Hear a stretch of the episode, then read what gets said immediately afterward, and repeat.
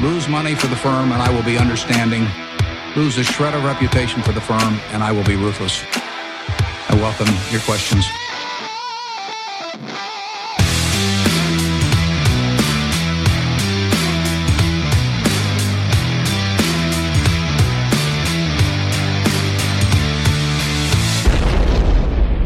Hjärtligt välkomna till Kvalitetsaktiepodden. Det är jag som är Ola. Det är jag som är Marcus. Ja, och det är jag som är Klas. Eh, Det här är avsnitt 109. Känns som det var 100 nyss. Mm. Ja, så är det. Mm. Eh, Spelas in onsdag den 19 januari. Och Ja. släpps nu i natt då, natten till den 20 januari. Som är torsdagen, Mm. då vi vill komma ut. Eh, Vi vill ju passa på här och tacka för alla glada tillrop och rekommendationer på Twitter. Vi, ja, det gällde ju främst vårt senaste specialavsnitt om vår investeringsfilosofi och lite grann vår strategi när vi handlar eh, i vårt eh, bolag. Ja, det verkar ha varit uppskattat. Väldigt! Mm. Och vi vill även tacka för alla fina mejl. Ja, Väldigt kul. Ja, det känns som att det var både nybörjare och gamla rävar som hittade något att både ta till sig och diskutera där då. mm. Eh, ja, och vi vill ju även eh, tacka för det faktum att vi nu är över 14 000 följare på Twitter. Mm. Och det här råkar ju dessutom vara ganska exakt 1,5 promille av antalet följare som världens eventuellt bästa tennisspelare Novak Djokovic har just nu. Hur många? Noll... Eh, en procent? eller så? Nej, 1,5 promille. 1,5 promille. Novak Djokovic. Ja, Okej. mm. Mm. han är Lite- populärare än vad vi är. Bara lite. Och jag tänkte att det var en referenspunkt, en aktuell referenspunkt så god som någon då. Ja, jag Mm. tror faktiskt, ja, om jag kommer ihåg rätt så ligger han nog på typ 108 109 ATP-titlar med någonting. Så det är Ja. ju nästan avsnittets eh, Ja, nummer va? Ja, du brukar alltid hitta de kopplingarna ja, och där mm, satt mm, den, ja. där satt den igen då. ja, ja. Eh, Så tusen tack eh, till alla som följer oss. Mm. Och om man, in, om man hänger på Twitter och ännu inte följer oss Mm. så får man gärna börja. För vi börjar tycka det här är lite kul då. För det är ju som Ola brukar säga, hellre 15 000 följare på Twitter än 100% i en korvkiosk. Visst är det så? Jaha, inte riktigt, men Nej, nästan. okej, nästan. Ja. Eh, ja, och dagens avsnitt då. Det här kan nog nästan bli nytt rekord i nya bolag. Mm. Om vi bortser från de första stapplande.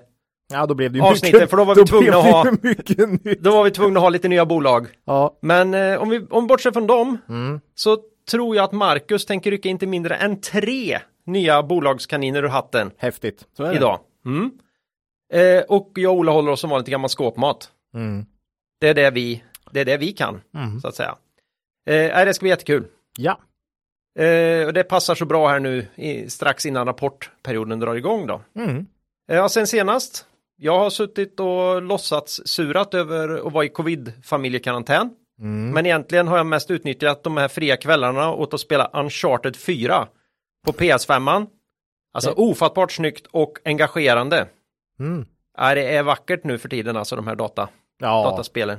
Jag får ju svindel när idioten är uppe och klättrar i berg och sånt. Usch. Ja, jag mår ju dåligt ibland nästan. ja, det är hisnande Ja, hisnande då. Mm. Men eh, nu är jag och familjen fria att röra, vi kan röra oss i samhället igen. Och jag tror att vi mår, det har gått jättebra och det är troligen vårt fina vaccinationsskydd. Mm. Vad har ni gjort sen senast? Ja, jag ska ju ta min tredje spruta här direkt efter podden här. Mm. Apropå eh, vaccination då. Ja, jag vill passa på att tacka för den här tiden. Ja. Mm. Annars så, ja, vi har, eh, ja, Du håller väl på med hunden Ola, du kan Ja, säga som det är. Hundkurs. det är ganska mycket, fast nu börjar det ju liksom bli, bli bra då. Mm. Eh, nu är det ju mer eh, mysigt då. Eh, så, nej men trevligt. Annars, firat min födelsedag ju. Oh, Det är stort. Ja, så att det har det väl varit. ja, det var, inte, det var inte dåligt. Nej. Det var ändå bara två veckor på det här så att. Ja, precis. Mm. Marcus? Ja, nej, jag har ju plöjt eh, säsong 1 och 2 av The Witcher. Har ni sett det? Oh, I love it. Jag är ju inte seriekillen så jag, nej. Nej, jag är ju jag är ju stort fan av Sagan om ringen och Game of Thrones och sådär. Så att det är ju fantastiskt kul med en högkvalitativ fantasy-serie till då. Mm. Eh, Men nu får man vänta två år på nästa säsong. Men vi har ju redan fick vänta en, ett år extra redan på säsong två här. Ja, var det så? Ja, För jag hittade den inte först nu, så jag Ja. kunde ju se båda samtidigt. Jag hade ju sån fruktansvärt otur där så helgen innan jul så stack övriga familjen till mina svärföräldrar va. Aj. Mm. Men jag hade ju influensan. Oh. Då- På den fredagen när familjen åkte då fick jag upp flashen. Nu släpps hela säsong två av The Witcher. Ja, vad härligt. Så innan, innan söndag morgon hade kommit hade jag sett hela den säsongen. Fan Gud vad bedrövligt jag hade det. Fyrkant i Ja, ögonen. jobbigt. Fyrkantiga ögon. Eh, då gick det an, då tog tankarna borta från hostan där. Det var Mm. bra. Ja, det är Nej, härligt. jätte, jag tycker det är jättebra. Nu Ja, har de ju budgeten också. Mm. Så riktigt roligt alltså. Mm. Eh, ja, det var det. Var det. Mm. Ja, jag snackade ju lite covid innan här Mm. och eh, det här med landsgränser har ju blivit eh, i Norden har ju blivit jädrigt tydliga igen. De Ja. har ju inte vi funderat över. Nej, inte I alla fall inte under min uppväxt. Nej, man åker in och- i Norge när man ska på skidor och så historiskt. Det har ju inte varit något konstigt alls. Inga problem. Nej, nej. Men nu har det varit lite, Ja, ja. lite kämpigt. Mm -mm. Men några som inte har några som helst problem att ta sig över landsgränser i Norden. Det är ju Kavaljer. Ja. Mm. Där är det inga käppar i hjulet. Ja. Nej. Nej, för eh, nu är det ju verkligen så att eh, 2022 det är ju glädjens år för våra norska lyssnare. Jaha. Våran huvudsponsor Cavalier AB då har- nämligen sedan årsskiftet lanserat och gjort det möjligt att investera i deras fonder i Norge, inte minst med, via Nordnet Norge då. Ja. Och eh, fonderna hade ju ett skapligt 2021. No. Investmentbolagsfonden gick upp 38 procent Mm. och eh, Quality Focus eh, 45,6 procent. Mm. Det kan man leva med. Klart bättre än index. Ja, eh, och Quality Focus har även börjat bra här för året. Mm. Eh, det är ju kort tid. Men, men poängen här är ju att det har gått bättre än många andra fonder då man varken innehåller högt värderade serieförvärvare eller högt värderade techbolag. Utan Ja, har fonden äger ju istället kvalitetsbolag. Mm. Kvalitetsbolag kan också gå ner. Men jo. Eh, lågt värderat har ju klarat sig lite bättre här än eh, högt värderat. Ja. Så är det ju. Det här är ju en relativ jämförelse. en relativ jämförelse. Det är inte många som kanske ligger så jättemycket på plus. Nej, det tror jag inte. De första 20 eller Nej, det är imponerande. Ja, det är bra. Ja, särskilt om man måste äga sig en 30 bolag. Ja. Mm. Eh, Cavalier jobbar ju, försöker jobba inom ev-ebit-spannet 10 till 20 någonstans. Mm. Och Peter och Håkan eh, tycker det känns som en attraktiv nivå för kvalitetsbolag, även om vi skulle få lite högre räntor framöver. Mm. Så mer info om fonderna och Cavalier själva hittar ni som vanligt på kavaljer.se. Och eh, när ni tittar till där ska ni komma ihåg att historisk avkastning i fonder inte behöver vara en indikator på framtida avkastning och att ni kan förlora delar av ert satsade kapital då fonder kan både gå upp och ner i värde. Tack säger vi till vår huvudsponsor Cavalier AB. Börsdata då?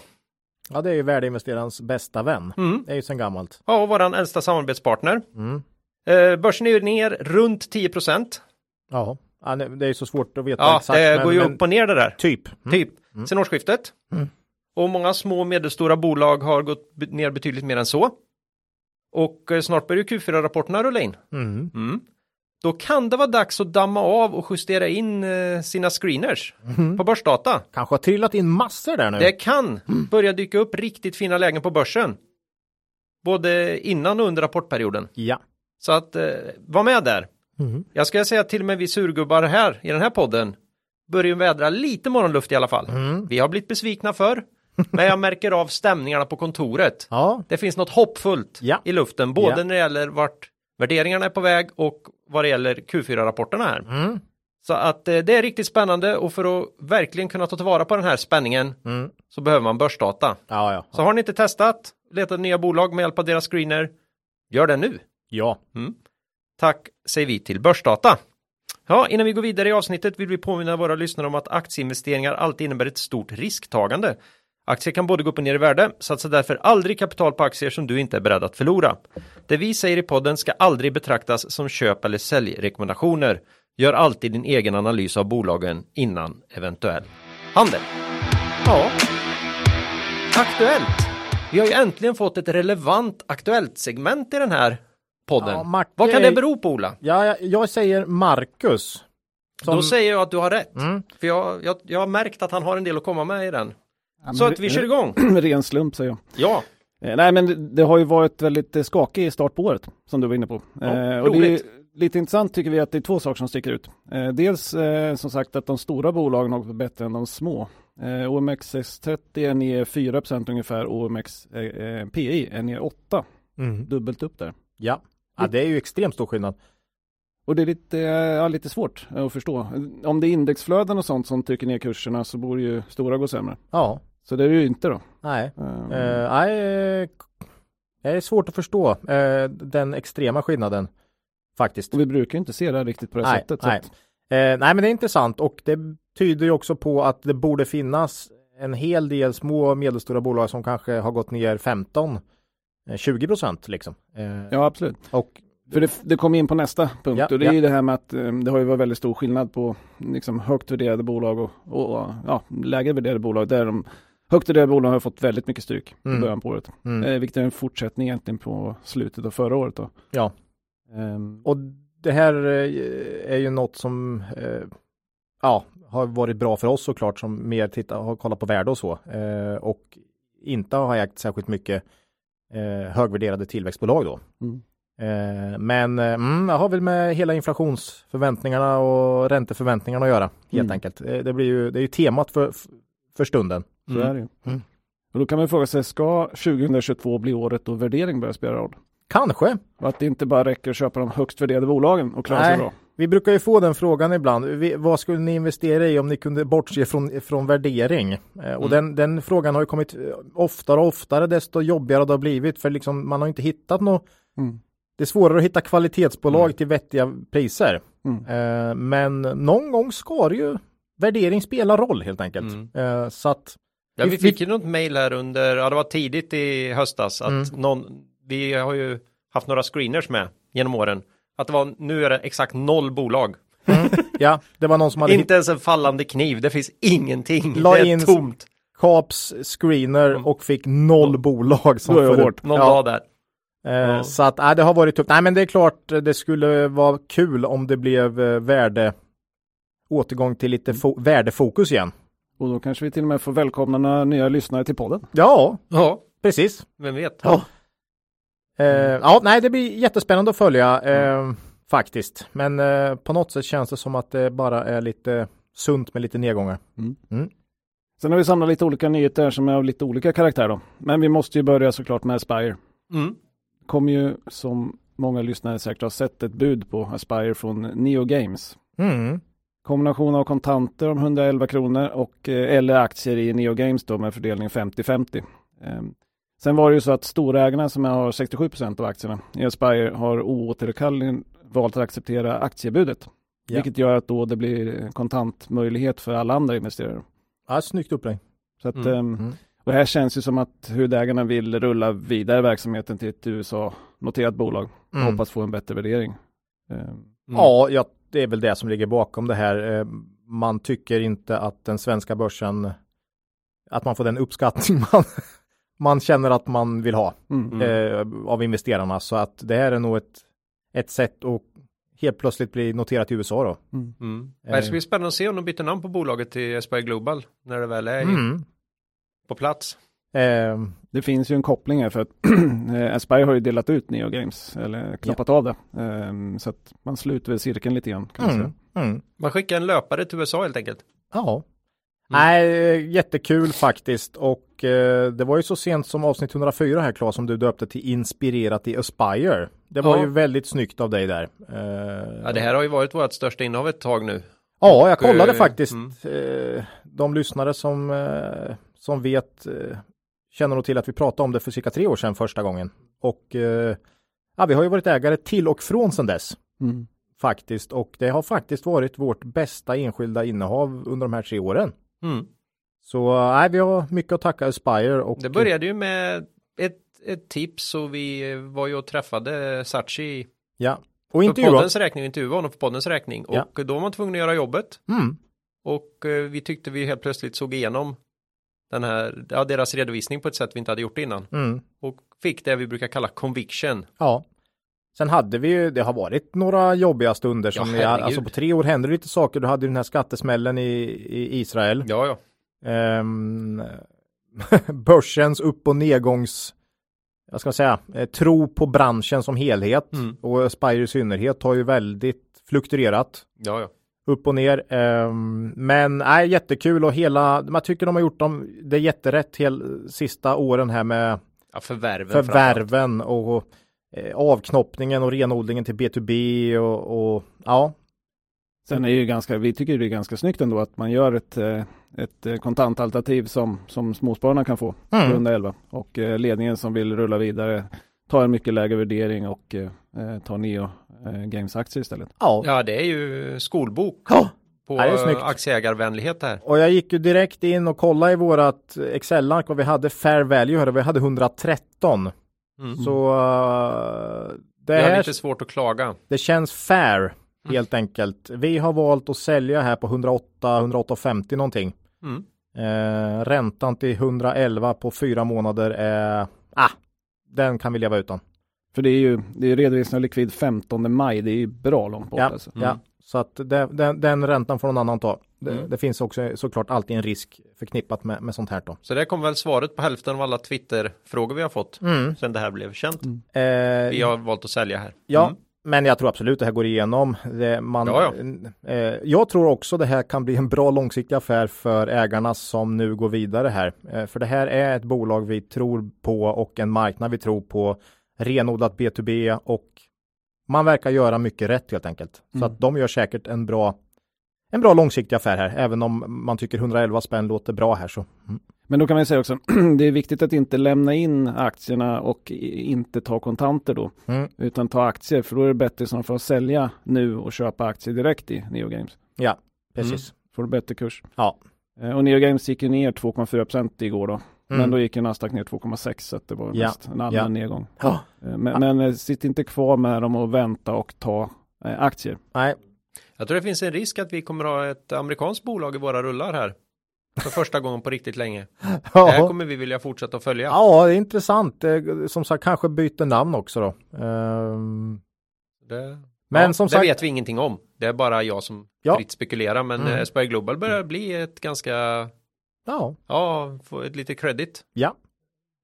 Men, men vi Varumärke tycker får vi att, väl kalla det. Vi, Ja, vi tycker att det var fair betalt ändå. Fair betalt, Eh, absolut. Ja, ja, ja. Så att, Ja, eh, ja, och budpremie 42 procent, det är inget Mm. att säga om det liksom. Det är bra. Uh, Mm. Alltså vi har sålt, så nu, ja, nu har vi bara RakeTech i, i sektorn kvar här. Ja, får vi leta vidare. Mm. Och vi fick ju chans att utnyttja det att det inte fanns mycket kärlek till Spire i eh, coronaraset. Ja, Då vi kunde plocka upp dem för, 20 spänn ish. Tjugo. ja. Mm. Så det var ju, ja. Så ibland har man nytta av att följa Mm. något som inte har så mycket kärlek på börsen Mm. kan man säga. Eller får så mycket kärlek på börsen. Ja, Mm. Nej, det var jättekul. Mm. Eh, ja, det, Ja. vi tackar och tar emot. ja, Mm. bra jobbat Aspire. Ja, Mm, lite tråkigare då. Mm. Igår kväll eh, Mm. kom ju TCM med preliminära siffror för 2021. Då. Det här danska köksbolaget Precis. som vi har pratat lite om. mm. Mm. Eh, om man informerar om att omsättningen preliminärt uppgår till 1,108 miljarder danska. Man hade ett intervall på 1000, Miljoner. En, ja, en komma, okej förlåt. Ja. förlåt. Ja. hade ett intervall på 1, eh, 1090 till 1120 så att man var mitt i intervallet. Ja. Så inget problem med omsättningen. Men däremot resultatet då hade man 138 eh, miljoner danska mot ett intervall på 148 till 160. Mm. Så det var ju en bit under. ja. Eh, Och här talar man då om att man har ett utmanande år inom trä och möbelindustri på grund Mm. av stigande råvarupriser och ostabil försörjningskedja. Ja. Eh, man säger här att man har höjt priserna under Q4 men att det slår igenom en viss fördröjning eh, och man talar om en sämre prismix för att man hade förseningar i leveranser av produkter med högre marginal. Ja. Eh, ja, vi är- har ju sagt vi äger ju TCM och eh, det gör vi då fortfarande och eh, ja, ja, just det här temat tror jag man kommer se på väldigt många håll nu då. Eh, vi kände väl också att deras vinstguidning eh, var i högsta laget. Jag för mig du sa det. När vi Ja, man höll fast vid den. F- nej, man sänkte spannet lite. Nej, man sänkte den övre delen i spannet efter Q3, men höll kvar den lägre tror jag. Mm. Eh, men det, det kändes konstigt att de skulle landa där och mycket riktigt. Ja, jag tror många kommer nog se det här. Mm. Omsättning som är hygglig, men eller bra, men, eh, men marginaler som påverkas. Och att omsättningen är bra kan ju bero på att eh, inflationen gör att eh, priserna går upp. Ja, Så man får omsättningsökningen men att man får kostnadsinflation på inputsidan så att säga så att man får lite sämre marginal. ja. Jag fick intrycket av att man hade liksom förseningar i lite leveranser så att det kan ha flyttats lite här också. Jo, nej, de säger ju det så att Ja, vi får se. proakt temat där Ja. att saker förskjuts liksom. Sen har de ju en detaljerad prognos så att det kan ju tänkas komma bolag som inte har prognos som också Ja. lider av samma sak men inte går ut och varnar på det Nej, sättet. nej just det. Eh, nej men vi, vi håller kvar här. Vi uppskattar P till cirka 11 nu då. 11-12 efter nedgången idag om man justerar för de här 10% av aktierna som ska makuleras då. Nej, Mm. 8 8,5 är det. Mm. Eh, typ. Eh, ja, nej men vi något måste vi äga. Mm. Det är jättebra argument. för Ja, det är jättebra Det är argument. verkligen vad vi Ja, det, på slutet har det nästan varit så. Man har liksom man har fått frågan vilka är dina bästa case nu då liksom? Äh, jag vet inte. Det är så förbannat osäkert just nu och eh, mycket dyrt och dessutom ser det jobbigt ut på vinstnivåerna för många Ja. bolag. Jag, jag vill inte säga någonting. Och mycket osäkerhet kring in, Ja, inflation. att, eh, Och då har jag ändå gömt lite pengar i spackarna för att slippa ha det i ansiktet. Men Ja, det hjälper faktiskt. inte. Vi... ja. Ja, ja, nej men eh, så är det. Nej men eh, ja, lite, lite tråkigt. Ja. Nå, har du något mer Ja. positivt då? Ja, lite roligare då. Eh, Ogunsen. Oguns. vad vad- vad- SCR. Known as SJR. SCR ja. Mm. Nej men 13 januari så lämnade de ändå en vinstuppjustering istället. Eh, Snyggt. Det är lite roligare. Ja. Mm. Eh, Man bedömde att Q4 blir starkare än vad man, marknaden hade förväntat sig. Eh, Räknar med en omsättning i Q4 på 122 miljoner, rörelseresultat eh, 15 till 16 säger de då. Det var bättre än vad vi hade trott. Vi, vi trodde på bra men inte riktigt så bra. Ja, nej precis. Vi hade ju uppe dem i avsnitt 105, kan man gå tillbaka Mm. och lyssna. Ja. Eh, Vi trodde på starkt Q4 på grund av att man har ju full fart inom rekryteringsverksamheten. Mm. Eh, Men det här var ju 10% över vad vi trodde. Eh, Och eh, marginal, lönsamheten här, om man tar mitten av spannet av 15,5 så är ebit-marginal 12,7. Mm. Det är det bästa vi kan hitta på ett Ja. Q4. Ja, nej starkt. Hade vi inte riktigt vågat tro på. Nej. Men tesen med full fart på rekryteringsfronten håller ju Mm. fortfarande. Eh, Och vi har skrivit upp prognoserna för 2022 lite grann. då. Ja. Eh, Och vi har fortfarande ägare i Ogunsen. Ja. Så det var lite roligare. Några mer nyheter? Det, Ja. det är ju en månad sedan vi, vi gjorde en vanlig podd här så det har väl hänt, det har ju hänt lite. Ja, det har gjort det. Ja. Nej, men vi fick en fråga också. Eh, VBG, har VBG, gjort ett mm. förvärv så att eh, vi fick en fråga om vi inte kunde säga några ord om det. Ja. Eh, man förvärvade The Carlisle Johnson Machine Company. Eh, ett bolag med 50 anställda, omsättning 95 miljoner. Mm. Eh, 3 av årsomsättningen ungefär. Mm. Eh, justerad ebitda-marginal, eh, ebitda-marginal på 17 Mm, bra. Eh, VBG ligger på 15. Nu vet man ju inte exakt vad man har justerat för där. Nej. lite, vi har ju pratat om det, det är svårt här de här för, justerade måtten. Ja men det är svårt de här förvärvspressmeddelandena eh, Ja. också eftersom Mm. du får inte lika mycket information då. Jag, tror, jag tror man alltid kan utgå från att det blir lite lägre än de Ja. här. Men ja, Men då kanske de hamnar på samma ungefär, Ja. eh, lönsamheten. Ja. Eh, man betalar då eh, 150 miljoner ungefär. Eh, köper på price till sales på 1,58. Har en Mm. egen värdering på 1,4. Så Mm. lite högre men lite bättre marginal. Ja. Mm, Ungefär fair. mm. Eh, men vi vill väl ha lite mer. ja men vi hade hoppats på lite, men jag tror också bolaget har försökt få till lite mer omsättning i, i, i förvärven här och det kommer säkert något mer. Jag, eh, man har ju slitit för att få till ett förvärv ganska länge. Eh, och vi hade hoppats på lite mer. Vi har faktiskt, vi gör inte alltid det, men i det här fallet har vi faktiskt lagt in en del förvärv i våra förväntningar för 2022 för vi är så Mm. eh, förvissade om att det kommer komma någonting under året här. Mm. Eh, men eh, mm, Så det var en bra start kan vi säga. Men, bra start, men man vill gärna se lite, ett lite större förvärv. Mm. Eh, Vi får fortsätta spana. ja, Eh, sista då, eh, Catella. Ja. Eh, de meddelar 10 januari att man eh, eh, har avslutat den här processen med avvecklingen av banken då. äntligen. Mm. Ja, det var på tiden kan man säga. Eh, Så man lämnar tillbaka licensen. Det här påverkar då lite redovisningen. Det blir lite enklare. Man behöver inte göra en konsolidering med kapitaltäckning och så. Man får också loss eh, 424 miljoner då, som varit uppbundet i banken då.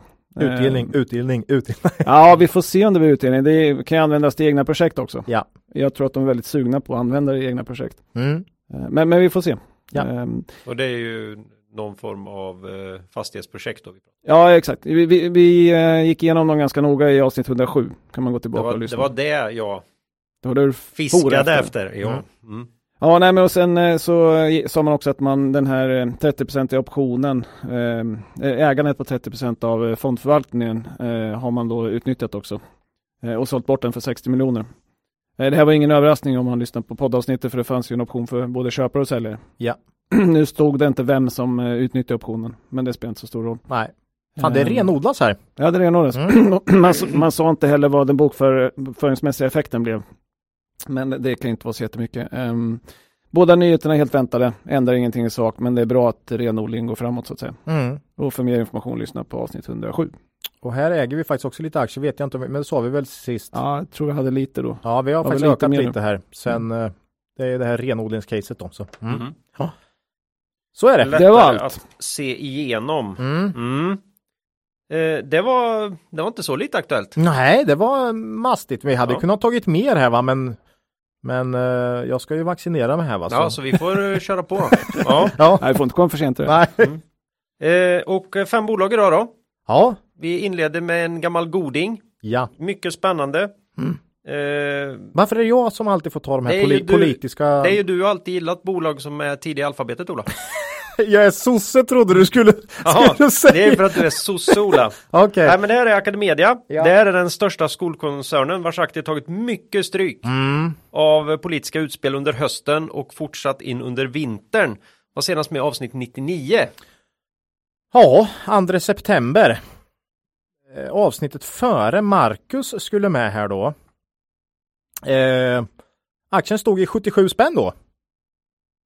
Efter dess är den ner 32 procent. Det är mycket. Det är mycket och sedan toppen i maj 45 procent, så nästan hälften borta här då.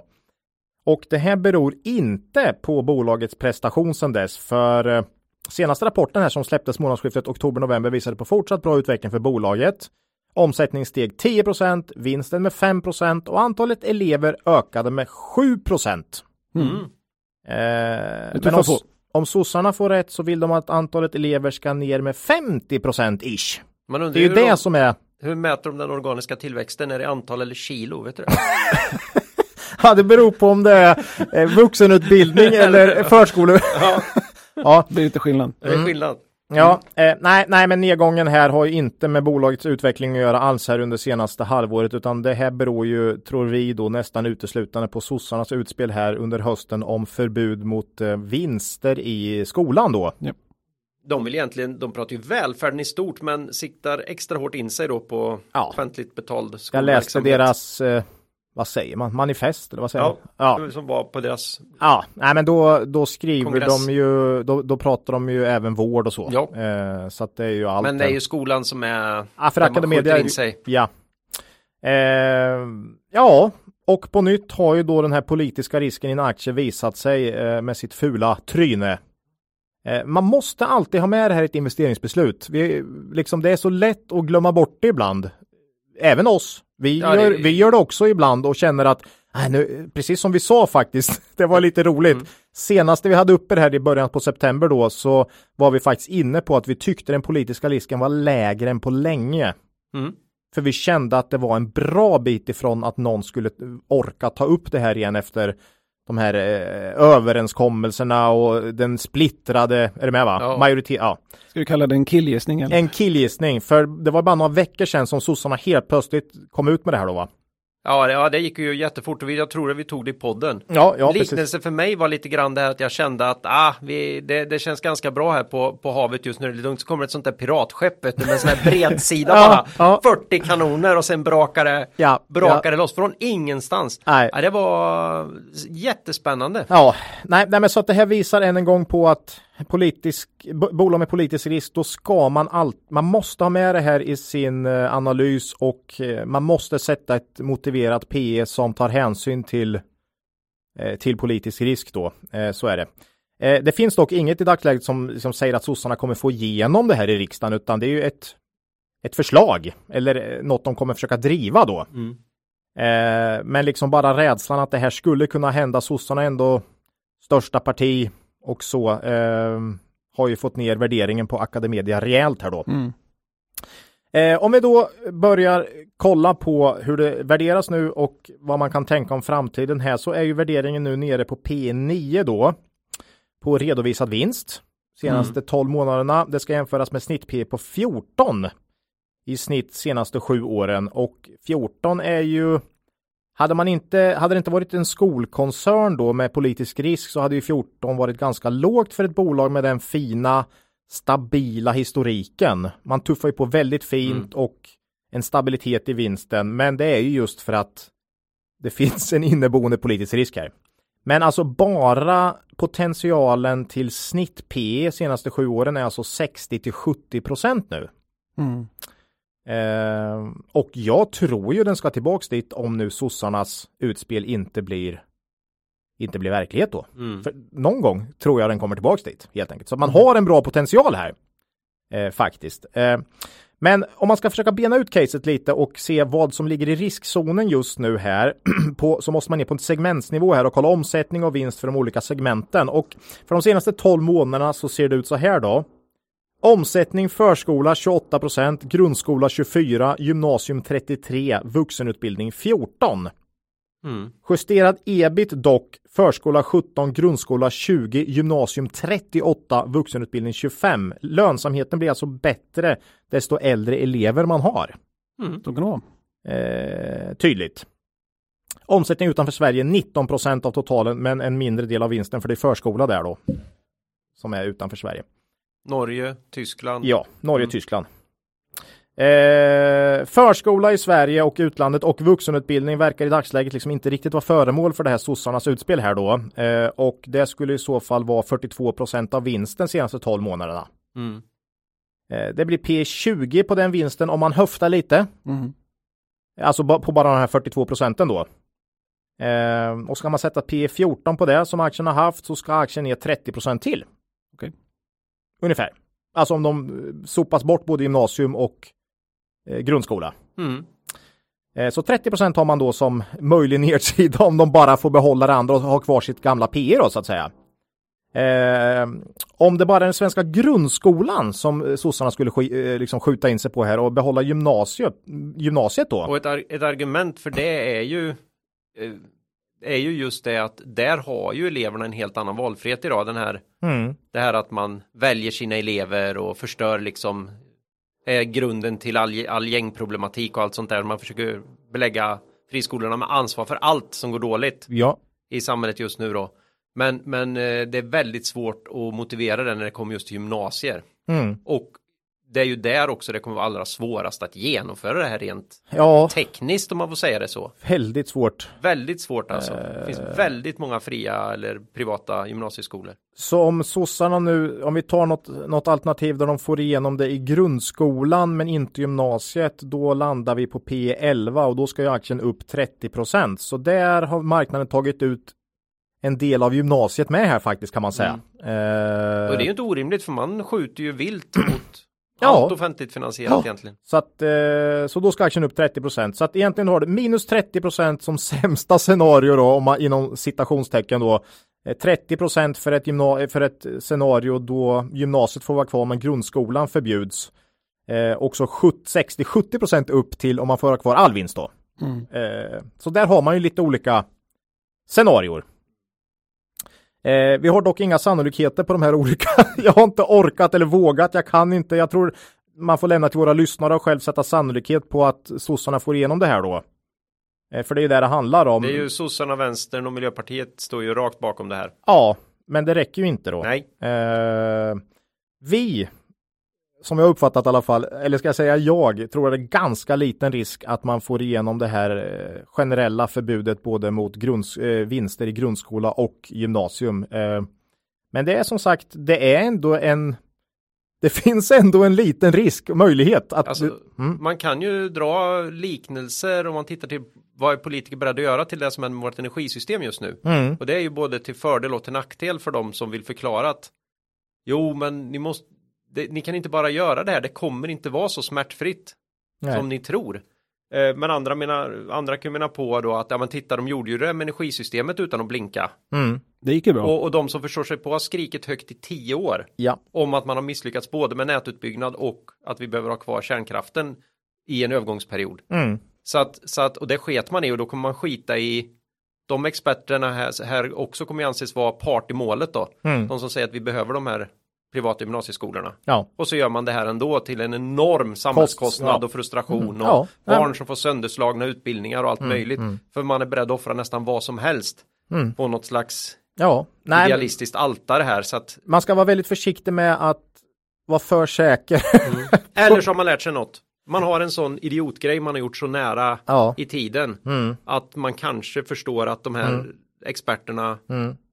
Eh, för om man tittar på det här med vinst, det är ju inte vinst eh, som expertmyndigheten har problem med, utan det är ju kö, hur man organiserar köer Mm. och att kommunala skolor och friskolorna har samma peng trots att de kommunala skolorna står med hela ansvaret Mm. att verkligen hålla, tillhandahålla skolplatser när de fria alternativen väljer att lägga ner av någon anledning eller drar. Ja. Och det är klart att de ska ha bättre betalt. Mm. Eh, Så det behöver ju fixas till och det är ju alla, jag tror alla är överens om det, finns väl en jättebred Bred. majoritet för Mm, det. mm. Men man måste ta det till det här vinstuttaget och peka på de här hemska kapitalisterna då. Mm.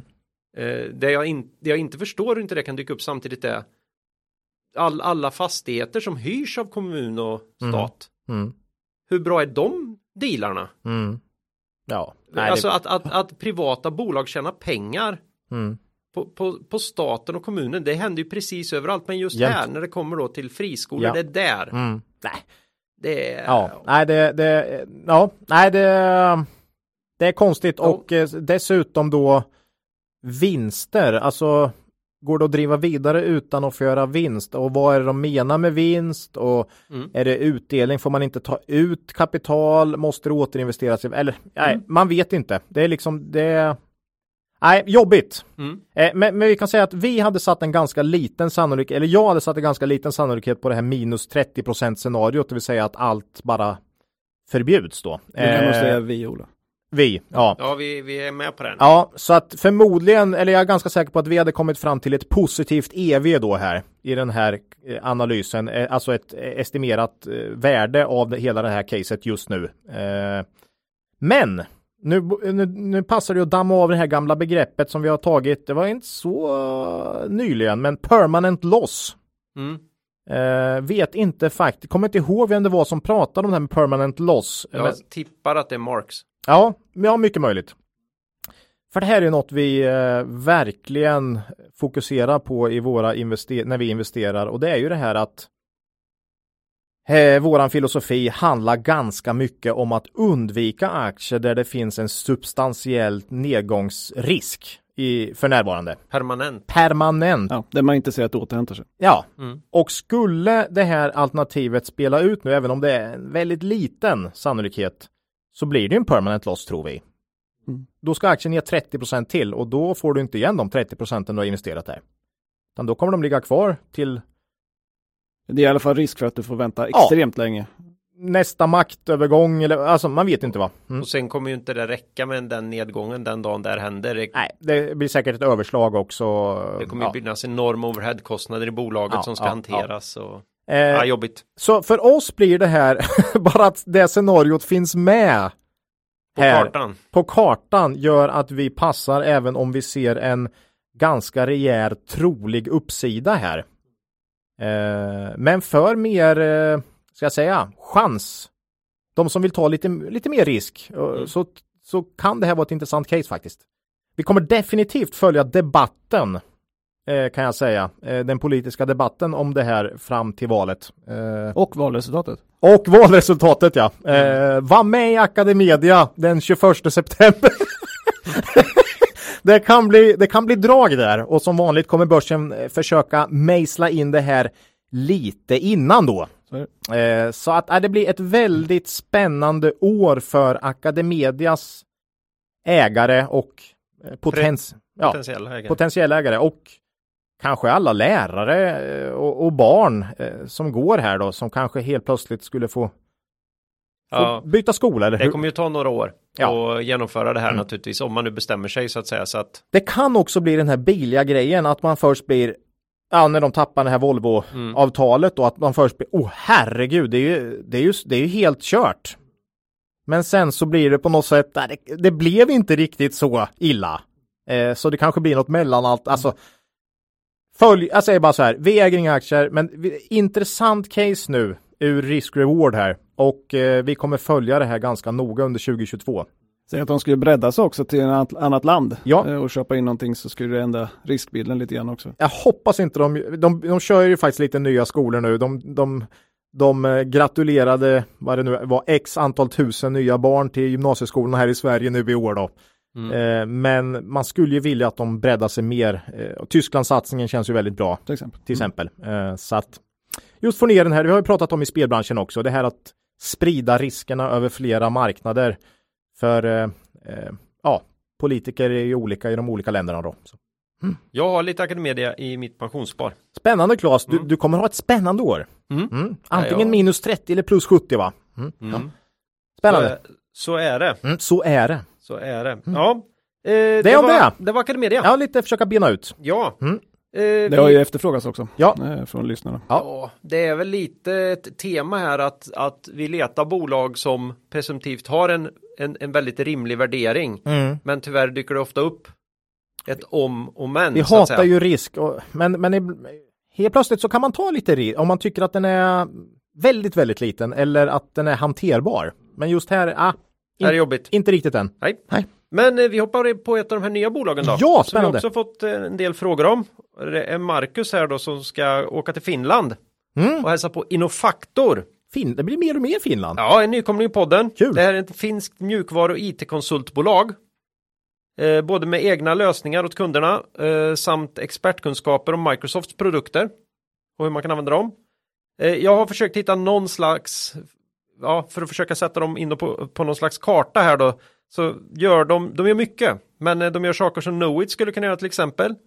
Eh, de har Formpipe-liknande eh, lösningar till viss del och även eh, AdNode liknande lösningar i andra delar. Oj, Så men Macke, take it away.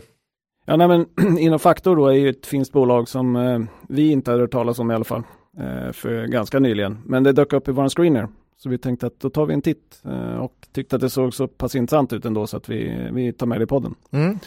Eh, det har ju inte varit med här förut då, som, som Claes sa. Eh, Vi bildades... har, vi har ju fått frågor om dem eh, tidigare och jag har eh, dismissat dem. Ja, okej. Mm. Ut, utan att titta på dem då? Jo, eh, jag, vi, det var ju det som frågan som ställdes där varför varför gick jag inte vidare då? För då kom vi fram till att där hade varit ett bra läge att gå in i faktor. Mm. Kommer du det var ihåg ju varför fel- vi... Nej, det var ju fel gubbe som fick uppdraget. Jag. Nej, Nej, men det var- måste ha varit något vi såg bara på börsdata som sa att, nej, vi... Ja, men jag har inte kunnat återskapa det. Jag har bara Ah, okej. konstaterat att det var ju tråkigt att jag inte gjorde Okej. det lika bra som Marcus. Ja, ja.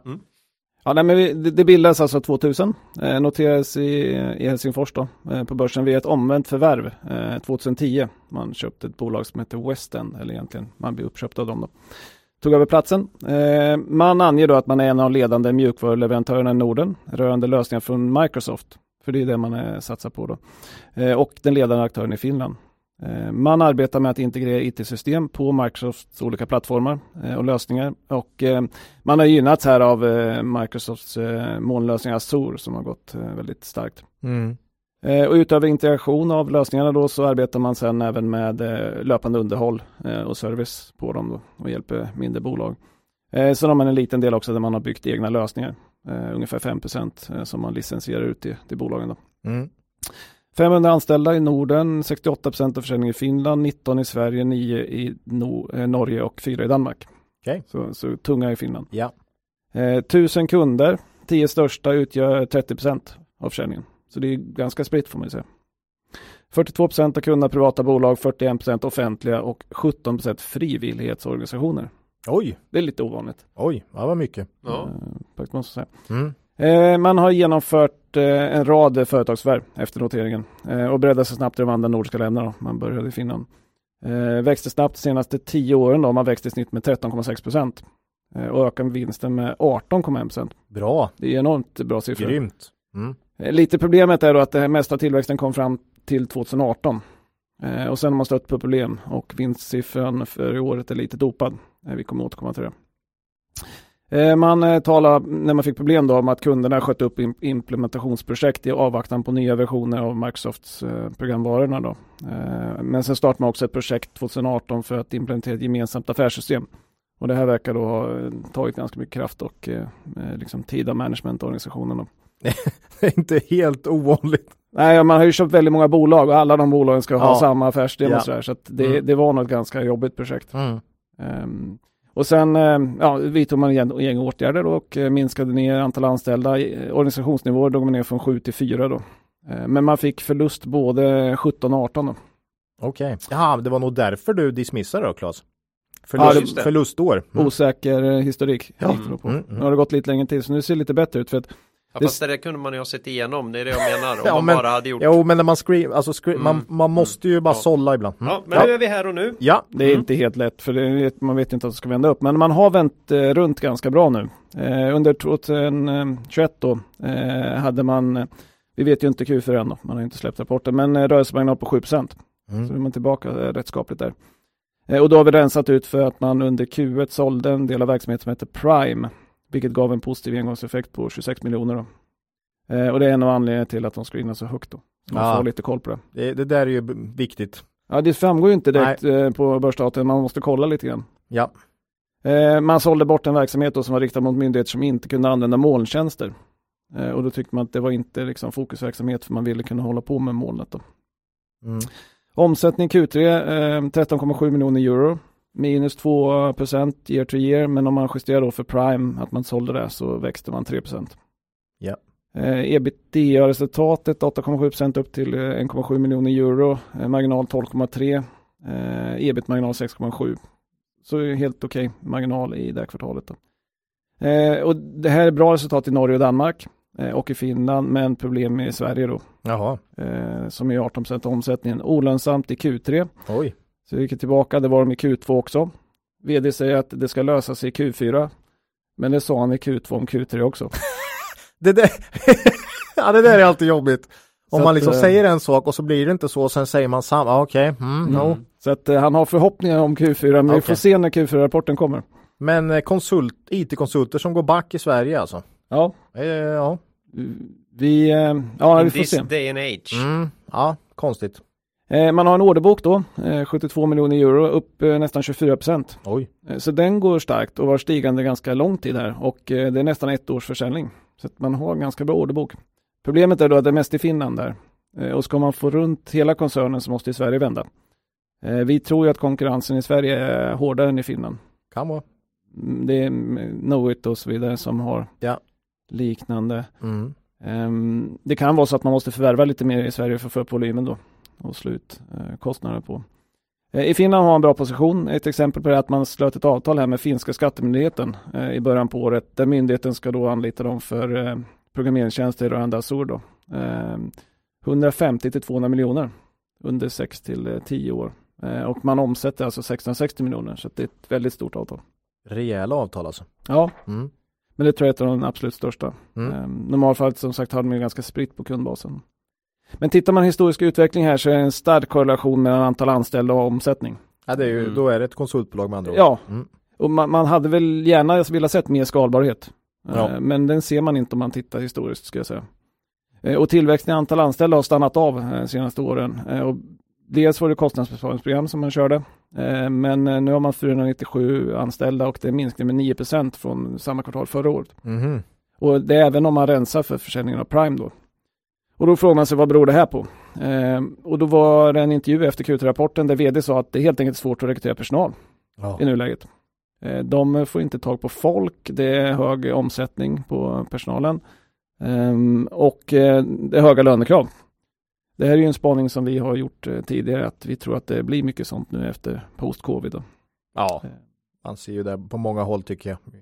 Samhället, Men Mm. särskilt inom IT. särskilt inom IT, Mm. att, eh, att det skenar iväg. Ja. Mm. Och vd sa då att eh, de betalar lite över snittet. Eh, Men vi kan inte gå hur högt som helst för det kommer leda till kompensationskrav från andra i organisationen. Ja. Och det är ju Nej, sant. det blir ju en, lön, en inflationsspiral på, på lönen där. Så. Tufft. Så de sa vi, vi jobbar med att försöka hitta utvecklande arbetsuppgifter. Vilket bolag säger inte det? Ja. Bollhav. Tänk om, man, bollhav på rasterna! tänk om någon sa tvärtom. Vi jobbar med att standardisera och göra ganska tråkiga arbetsuppgifter. Liksom. Mm.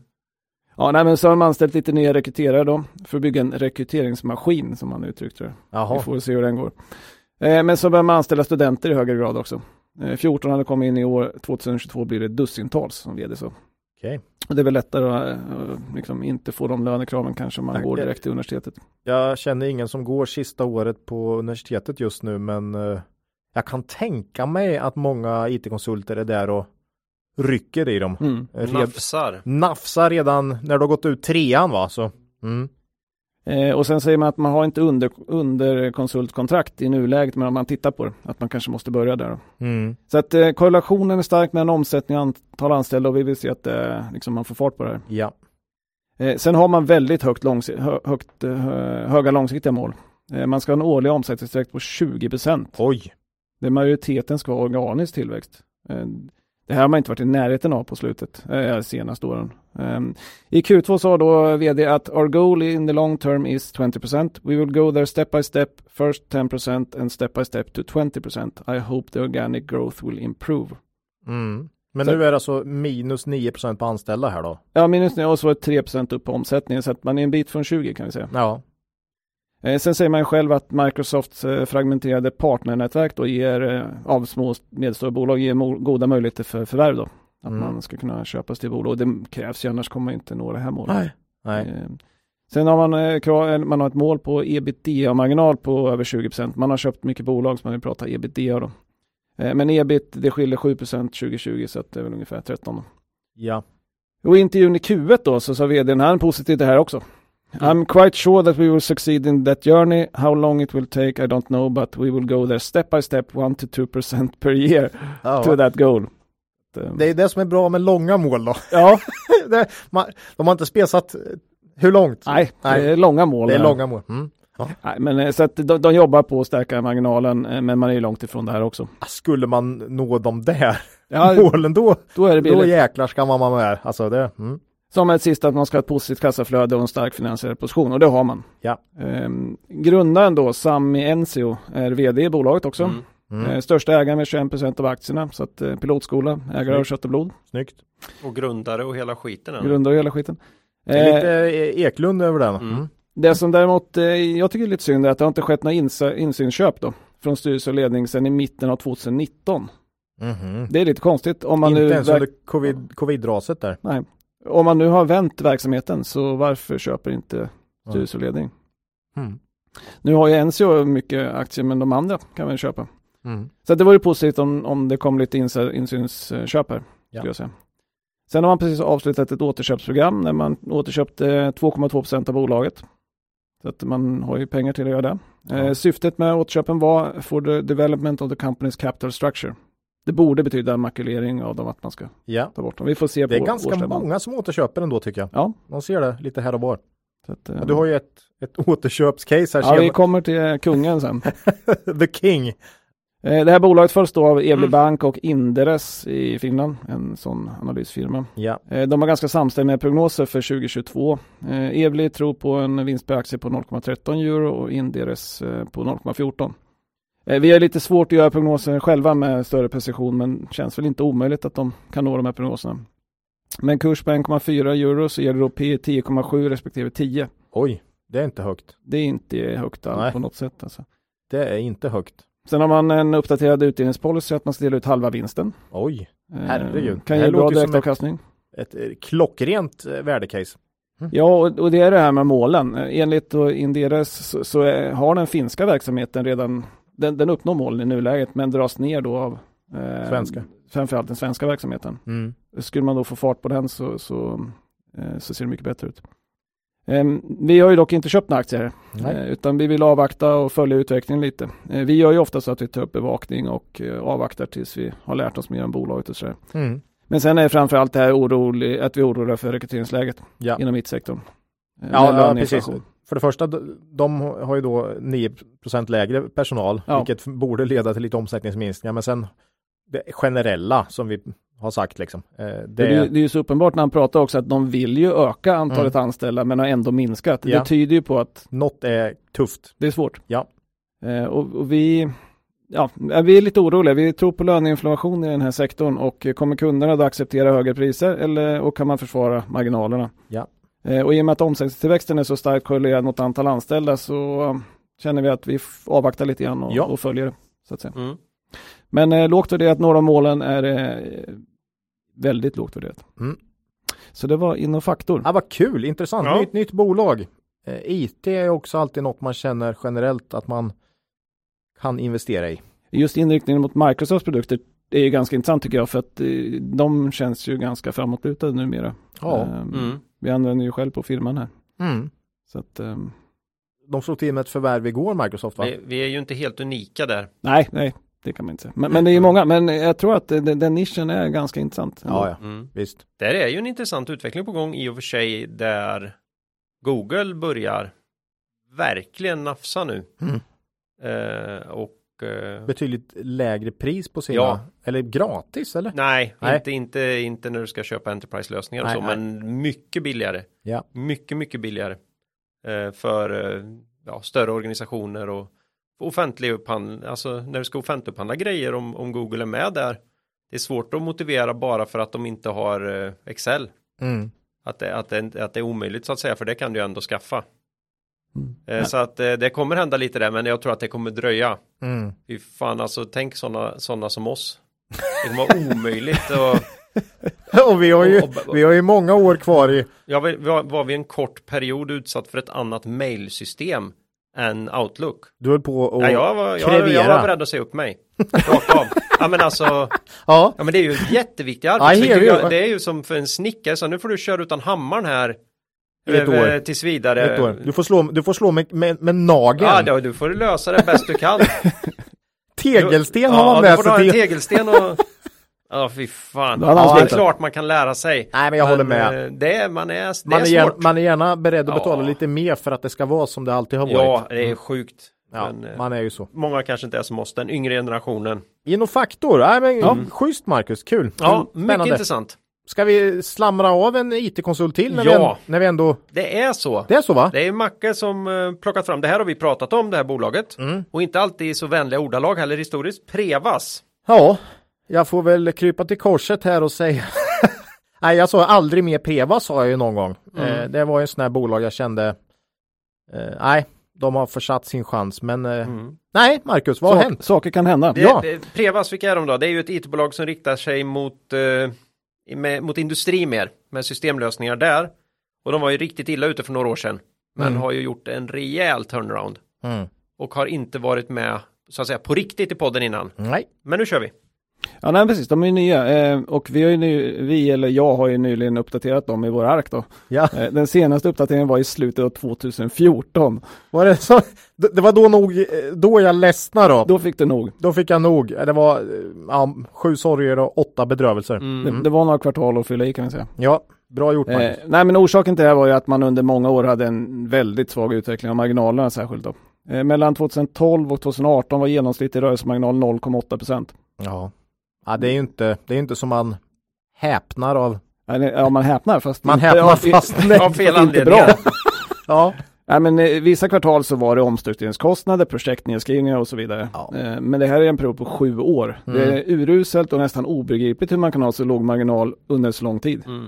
alltså många konsulter ligger på 10 procent liksom. Det är, Ja. det är ju inte, ja. Nej men alltså de var ju, de var ju fruktansvärt illa ute. Jag hade ju att göra med dem i mitt förra liv. Mm. I en upphandling som strandade. Jag har aldrig varit med om det. Alltså projektet strandade. Mm. Flera år in i ett offentligupphandlat projekt så, Mm. så klarade de inte av att leverera. Mot, mot ens de mest grundläggande kvalitetsmålen. Och, och man såg ju hur, hur de led. Hur det liksom skälvde i organisationen. Men man förmådde inte. Nej, Eh, Man hade gjort riktigt dåliga förvärv, småförvärv och sådär som inte funkade. Och ja. Nej. De man hade en prissättningsfilosofi som var Mm. Nej, jättekonstig. men enskilda år kan ju någon, man få problem Mm. om något händer, men just sju år, det är, det är Ja, det är väldigt länge. ja. Ja. De kunde inte räkna på projekt. nej, hemskt. Det är ju liksom grundläggande grejer. Ja, Den här eh, långa ökenvandringen då kröntes ju sen i Q4 2018 med att man angav att periodens ebit har belastats av engångskostnader om 7,1 miljoner som härrör från kostnader i samband med vd-skifte samt organisatoriska eh, struktur- omstruktureringar. mm. Man får hoppas att inte för mycket gick till vd då med tanke på leveransen i bolaget. Mm. Men det satt också slutet kanske på en ökenvandring. Ök, ökenvandring. För 2018 måste ju ändå ses som ett väldigt positivt år för pröva, eh, Prevas då prövade aktieägare. Ja. Lite Det var ju Freudianskt där. sådär uh, ordlek. Ja. Mm. Eh, nej men för att man eh, bytte ju vd. Mm. Eh, och den 1 augusti 2018 började Johan Strid som vd i Prevas. Eh, kom från Knowit där han varit eh, affärsområdeschef för Solutions, det affärsområdet. Hade jobbat även på Cybercom, Teleca och Sigma. Det klassiska IT-bolag. Mm. Man diskuterar ofta hur stor påverkan en viss vd kan ha på en verksamhet och för de som inte tror att vd är så viktig, då kan ni ta och kolla på Prevas före och efter vd-bytet. Gå in på Börsdata och köp Prevas från 2010 och framåt eller? Ja, typ Ja. så. Eh, För den långa historiken är inte så imponerande. Omsättningen 10 på 10 års sikt 3,3 procent upp, vinsten 6,7. Men det här höjs ju av de senaste åren. och För de tre senaste åren har vinsten ökat med 137 procent i snitt. Mm. Åh, herregud. Ja, han har gjort det. Från i och för sig noll då nästan. Ja, men det är ju lite lättare när du går från den. Ja. Ja, det blir stora siffror i Ja. procent. Men, men eh, man har ju gått då från, från en marginal under sju år som var eh, cirka 1 procent till eh, att man är uppe på 9,9. Justerar man för engångspost i Q3 så är man runt 9 då. Men det är ju väldigt, väldigt mycket Mm. bättre. Nej men alltså det, visst det har varit bra IT-år på något sätt men det har det ju varit till och från de gångna sju åren med. Så Ja. att man måste tillskriva, alltså det, det, är den, det, är den, det är den logiska slutsatsen att vd-bytet var eh, väldigt viktigt här. Mm. Ja, Det är svårt att dra en annan slutsats. Mm. Eh, Men det här har ju inte gått marknaden förbi heller. Nej. Eh, För aktiekursen som i början på 2019 var 17 kronor. Eh, dagsläget eh, 97. Det är svårt det här för när jag skrev det först då var det 107. Det är så när börsen rör sig. Börsen rör sig. Ja. Eh, Men eh, den har aktiekursen upp 470 procent. Oj. Så att, eh, Vi och, tar det. Mm. och här får vi erkänna att eh, det har ju inte vi varit med på Nej, den resan. och där brukar vi ju säga ändå att det viktiga är hur dina aktier som du äger går, inte de som du inte äger. Nej men så är det, Mm. så är det. ja.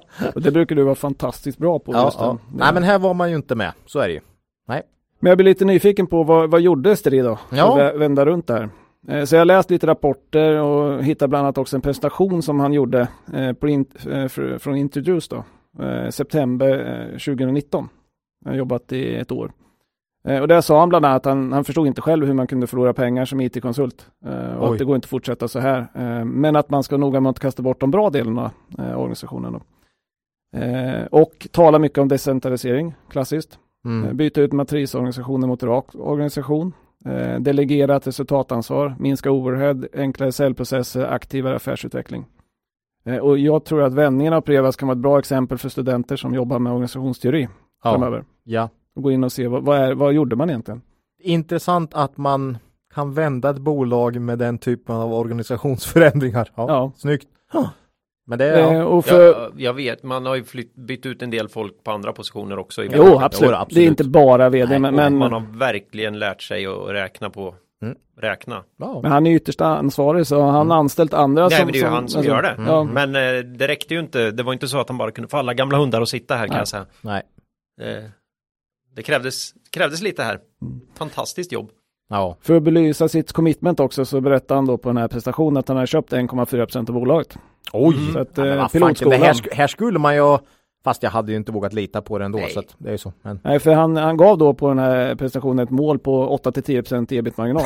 det hade man ju, det hade man ju sagt som inom faktor här ungefär. Ja. Jo, tjena. Kör, kör det du, gör det du. ja, Lycka till!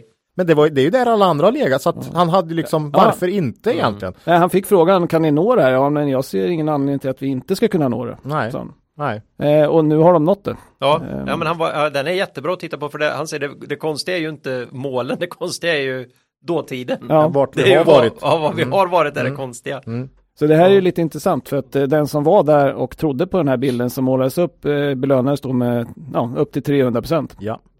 Och som vi sa, det är slå ett slag för att gå på företagspresentationer. Det Mm. räcker med att du träffar en, två sådana här om året för att det ska vara värt tiden Lätt. att gå på 10-15 kanske. Det är 2019, 20, två år drygt då. Mm. Det är bra. Och där eh, kan man också få ett exempel på hur en väldigt förtroendeingivande vd beter sig och ser ut kan jag säga. Mm. Den är bra på många sätt den där. Nej men det, alltså är man på de där och man kan, just det här med förtroende som vi trycker på ofta.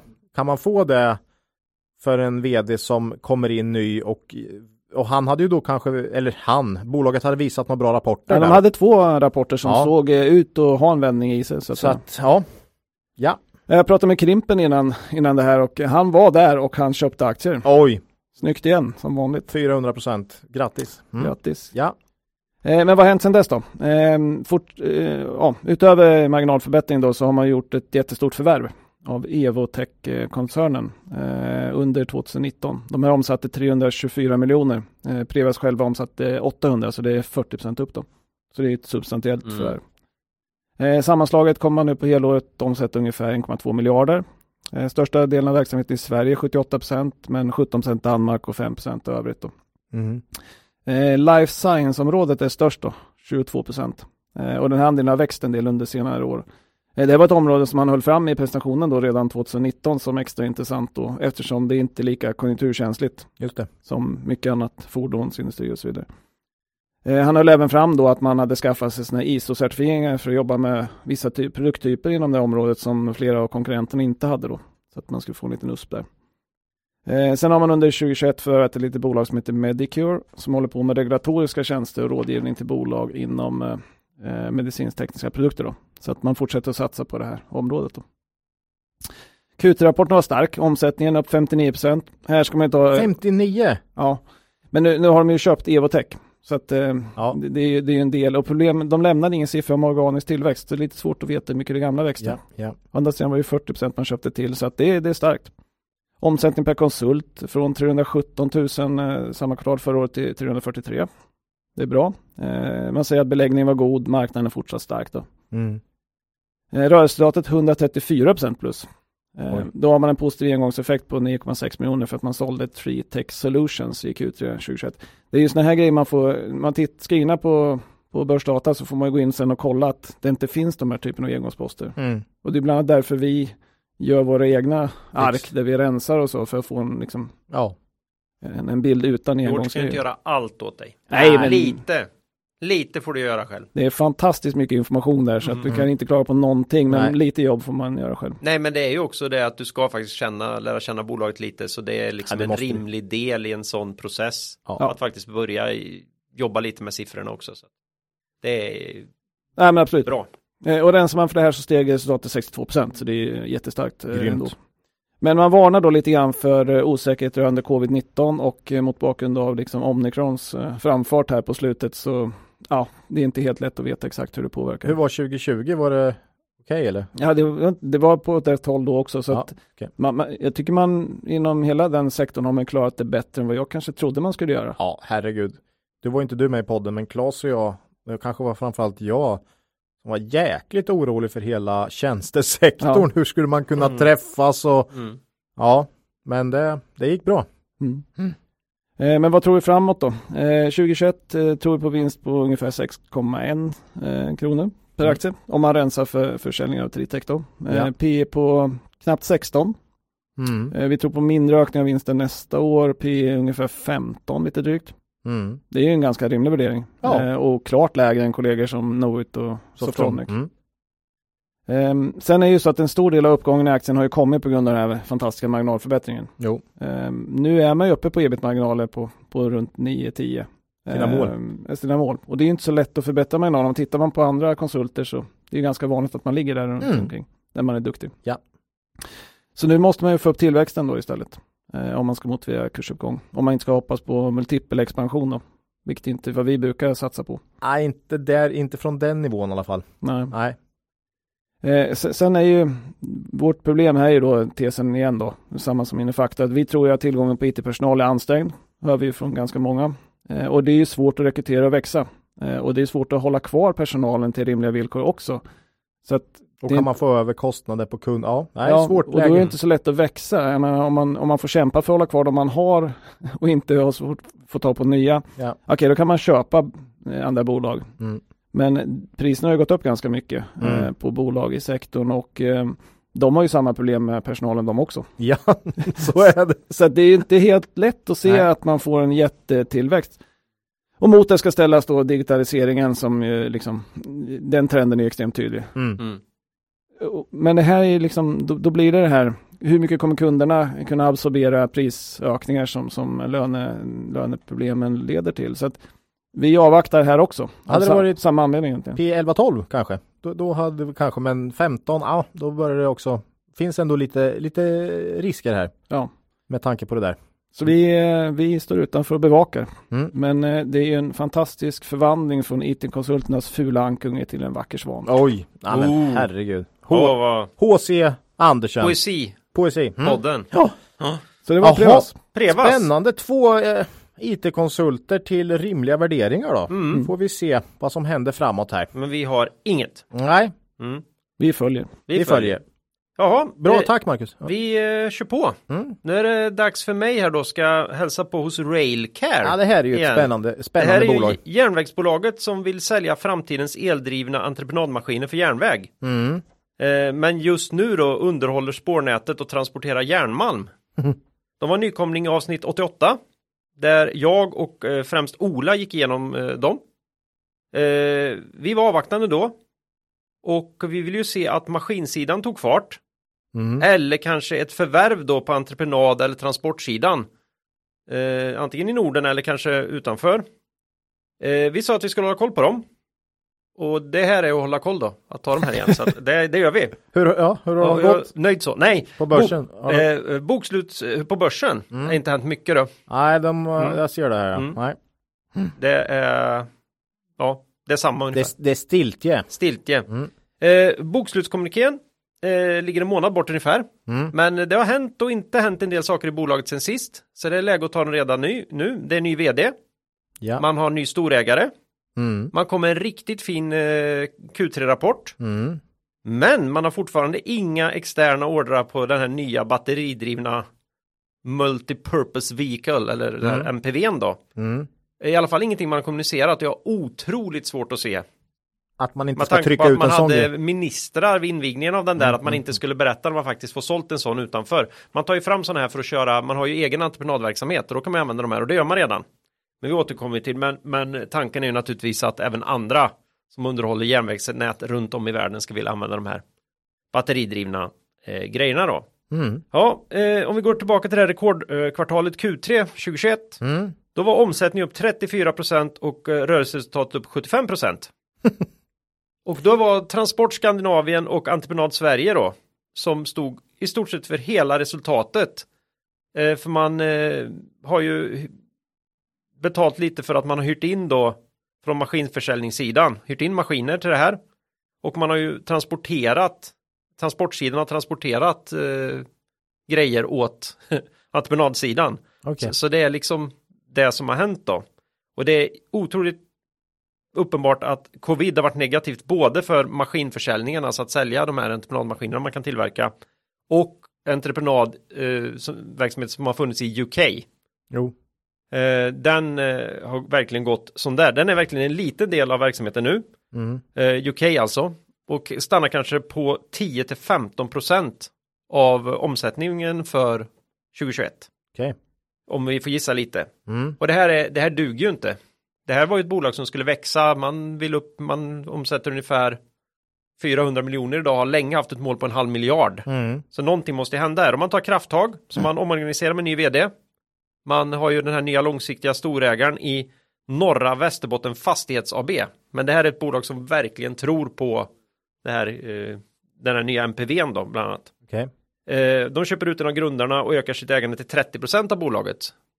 Eh, så nu, nu har man ju en dedikerad storägare här. Mm. Gamla vdn blir affärsområdeschef för entreprenad utland. Och det här är ju allt väsentligt UK, alltså Storbritannien så här långt. Men man vill ju även starta en verksamhet i Hongkong. Oj. Man tror att Asien, i Asien borde man kunna kränga en hel del maskiner tänker man. Det är mycket människor med. Mm. Ja, ja. ja. Eh, ja, så vad behövs då? Jo, men eh, den behöver komma igång den här försäljningen av de här MPV-erna. Mm. Man måste börja få fler affärer i UK igen. Mm. Och eh, den här Hongkong-etableringen, ja, covid har ju satt stopp för den gång på gång. Och istället för att vara på plats som man hade tänkt 2021 så hoppas man att man ska kunna förbereda för den under 2022. Ja. Så allting, har ju fly- allting flyttas fram i tiden hela tiden då. Mm. Eh, ja, jag vet inte. Jag, jag hoppas ju att man både kommer kunna bygga en ny entreprenadverksamhet i Asien får vi väl säga. Och sälja maskiner där. Eh, men eh, det får ju framtiden visa då. Så ja, det blir lite förhoppnings, förhoppningsstämning över det här på något sätt då va. Mm. Eh, det enda uppsidan i det här är ju att man kan testa sin nya MPV och hålla, fortsätta utveckla den i skarp drift då i Sverige. Och det har gått toppen Mhm. under hösten här enligt bolaget. Man har haft den och kört i Karlstadområdet bland annat vet jag sådär. Men då har man stött på nya problem Mhm. som inte har med maskinen i sig att göra. Vad är det då? Ja, det är ju att man har inte haft helt obetydliga problem att, att få den laddad. Det finns ingen laddinfrastruktur längs järnvägen va? Nej. Ja. Tesla har inte varit där och satt upp Nej, så. nej. okej. och eh, de tänker utveckla en lösning här nu för att ladda batteriet direkt från tråden. Alltså strömtråden som, som Att- finns över en 80% av all järnväg i, i Sverige bland annat. Det låter ju rimligt. Ja, och då kan man tycka att känns inte det lite konstigt? Vadå? Om det nu finns ström i tråden, Varför behöver man varför behöver man batteriet? Ja, Mm. Och då, det här tänkte jag att, eh, ja, jag hade lite gissningar där, men jag frågar er. Mm. Och då blev jag uppringd av bolagets mycket trevliga nytillträdda vd Mattias Remal härligt. som förklarar hur det låg till. Tyvärr är det ju så nära rapport här då, Mm. så jag lyckas ju inte få ur honom någonting om något annat än just den här ström och batterifrågan. Men du kan berätta för oss kanske? Vad han sa? Eller? Nej, Nej. nej, jo. Eh, när det gäller den här tekniska frågan då så är det ju helt enkelt så att alla sådana här maskiner historiskt har ju gått på diesel kan man säga. Och det är ju Mm. för att du vet inte om du kommer kunna ha ström eller inte. Nej, nej.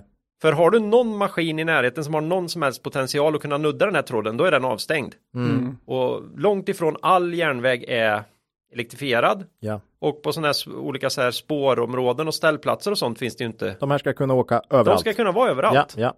Och då har det varit så att de har kört på diesel. Mm. Och det kan hända att de, det har hänt ofta att de har varit och, och kört med sina vakuummaskiner där det har funnits ström. Mm. Men du kan helt enkelt inte veta det, kommer det någon, behöver du ta dit en grävmaskin då, då är det stängs det av direkt va. Mm. Så det funkar inte så, så du behöver ha de här batterierna. Men de gångerna det finns ström, eller du kanske kan åka till, åka iväg en bit där det finns ström i ledningen. Då skulle det vara jättebra att kunna ladda direkt från tråden. Så det Ja. håller man på att utveckla nu då. Snyggt. Så det ska man ta fram. Eh, men det här är ju lite jobbigt kan man tycka. Mm. Att, att det här är en begränsning som dyker upp direkt. Ja. Och det, jag vet inte, man kanske hade förväntat sig det lite grann, men utmaningen ja, har blivit lite större än man har trott då. Eh, men skit i det, det här är ju framtiden va? Ja, jag Så det kommer väl lösa ja, sig? Jag tänker, vad, vad kan man sälja en sån här för lönsamhet? Eh, Hur många kan man sälja per år? Ja, men, men, men det är frågor som är höjt i dunkel än så länge. Ja, man, har sålt, man har haft den ute på marknaden i ett år nu. och inte Man, sålt man har sålt noll. Okej. Nej, då blir det inga pengar in. Det, det, Eh, så än så länge så tycker jag man kan eh, spela covid-kortet här. ja, Men det kan man inte göra så himla länge till. Nej. Så att eh, spännande. någonting behöver hända här. Mm. Mm. Eh, så att det Men var inte, du, var inte du som kallade de här för järnvägens Tesla? Jo, Man kanske ska dypa, byta namn då eller någonting? jo, det var ju det som var mitt förslag. Ja okej, Att sorry. eh, Ja. jobba med värderingen här lite mer. ja, Men det har, för- inte, har man inte heller gjort. för då behöver man ju inte prestera så mycket. Tesla åker ju å andra sidan nu själva runt och sätter upp laddare där de behöver det. Ja, just det. Mm. Eh, med, med de här pengarna som de har från sina ägare. Eh, ja, men eh, om vi går tillbaka till Railcare då så är det fortsatt rätt värderat enligt oss Mm. med nuvarande verksamhet. Mm. Vinst per aktie kanske hamnar runt 1,6-1,7 kronor. Då handlas de till P13-14 ungefär. Mm. Vilket är rimligt utifrån tidigare tillväxt och lönsamhet. Om man har en helt annan, eller har man en stark tro att den här NPV-försäljningen kommer komma igång. Då finns det ju uppsidor. Mm. Tror man att det kommer bli kanon när man etablerar sig i Hongkong? Där finns det uppsidor. Tror man att man kan börja ta tillbaka marknadsandelar i UK? Ja, då finns det uppsidor. Men vi har liksom ingen riktig aning om hur det ska, Nej, eh, ska bli här. Så att, eh, ja, de får ligga där på bevakningslistan och Ja, och att man kör en himla massa järnmalm nu, det är ju, dels har man ju ett långt, eh, långt fast kontrakt, men det var ju med den här gruvan tror jag som var, höll på att bli av med sitt miljötillstånd. Mm. Och det ryktet går om att man kommer få köra ut väldigt mycket mindre stål eller järn framöver. Mm. Så det är en lurig, den delen är lite lurig Mm. att hänga upp det här caset på. Ja. Så att eh, jag, jag tycker det är lite oklart. Man kör åt LKAB på korta kontrakt. Man har inte kommunicerat vad som händer vid årsskiftet. Troligen är det kvar, men man får vänta till Q4 innan man får reda på det. Det är ju lite projekt Ja, verkligen. drivet här så att det är Mm. ju också ett sånt bolag som där det kan bli lite ryckigt. Ja, så det var ju den här stabila maskinförsäljning vi ville se. Mm. Vi vill se det här lite större bolaget, den här typen av projektintäkter eller kortare intäktssvängar Mm. börjar ta ut varandra så att säga. Mm. Så de behöver växa, kanske inte bara till halvmilj- halvmiljarden utan lite vidare från det också för att det här ska bli lite tryggt då. Ja. Eh, men eh, ja, balansräkningen är helt okej. Mm. Så att eh, det finns ingen, inget hinder där från att man ska kunna gå ut både organiskt och fortsätta bygga på sin MPV. Mm. Ja, jag vet inte, fortsatt vänteläge. Ja. Jag kommer återkomma, jag äger dem i mitt pensionsspar. Ja. Men ja, Vi har inget. Mm. Spännande. Vi får önska de nya storägarna lycka till då. Ja, nya vdn. Nya vd. Får Och, vi se. event- och eventuellt namnbyte där då för att få Ja, aktiemarknadens gunst Ja. lite. Nej, men jag, förra våren, 2021, var det ju extremt håsigt på många sådana eh, el, elektrifierade fordon. Då, då, det var väl då du skrev den här. ja. Jag kan, fanken, hade de kränkt av några sådana då? Vi, då hade det varit uppe i 50 spänn tror jag, vet du, om de hade Kommit igång där kommit ja. igång just Ja. där då och, och fått ut pressmeddelande om det, vet du. Mm. Vad hette de här i, i, i, i Västervik? Eh, Ja, som hade... Lastbilarna va, eller? Jag tänkte på de här som gjorde drönare, men det var... Ice? Nej, nej jag vet inte. Jag kommer Nej, inte på. Det är nej, nog, det, ja. det dök upp några. Ja, de säljer Ja. lastbilar tror jag. Eh, el, eldrivna fordon. Men Ja. ja, Ja, de det var heta då. Mm. Det kan bli populärt. Ja. Nej. Q4 kommer bli bra här. Mm. Men eh, det beror på att man kommer fortsätta köra järnmalm och inget annat. Ja, Mm. Jämfört med förra året. Så att eh, sen får vi se. Okej. Det var, En uppföljning på Rail det var en uppföljning på Railcare. Det jag gillar ju namnet Rail Care. Tycker det är snyggt. Mm. Mm. Men det räcker inte. Nej, det räcker inte. Nej. nej, nej, nej. Så är det. Tesla var ju taget tyvärr. Ja. Så är det. Ja, eh, dags för sista bolaget då. Mm. Eh, Och och det, det... största? ja, det blir känsligt i podden. Oj. Mm. Eh, vi ska nämligen prata lite grann om Swedish Match. Nej men, Nu sätter nog många kaffet lyssnare i, kaffet. i vrångstrupen. strupen. Mm. Vi har ju de få gånger vi pratat om etik och moral i podden har vi alltid sagt att vi drar gränsen vid tobak. Och möjligen hittar på kosttillskott då. Från, som är uppfunna av någon fransk barksniffare. Ja. Mm. Eh, det, det är väl där vi har varit ungefär. Vi klarar alkohol, vi grejar spel och så. Mm. Eh, men Marcus ska ändå för första gången ta ett av Sveriges mest klassiska bolag i Ja. form av Swedish Match. Mm. Tänja på gränserna lite. Ja, och vi vill ju direkt poängtera att i vårt företag har vi inte ändrat oss i dagsläget. Vad Vadå? gäller synen. På, på verksamheten. Nej, på att investera här då vi anser att nikotin och tobak inte har något gott att tillföra samhället. Nej. Och att allt bruk i någon grad är problembruk i ett samhällsperspektiv. Ja. Men vi inser att man kan ha en annan syn på det här. Barampam. och- Uh, ja, ja.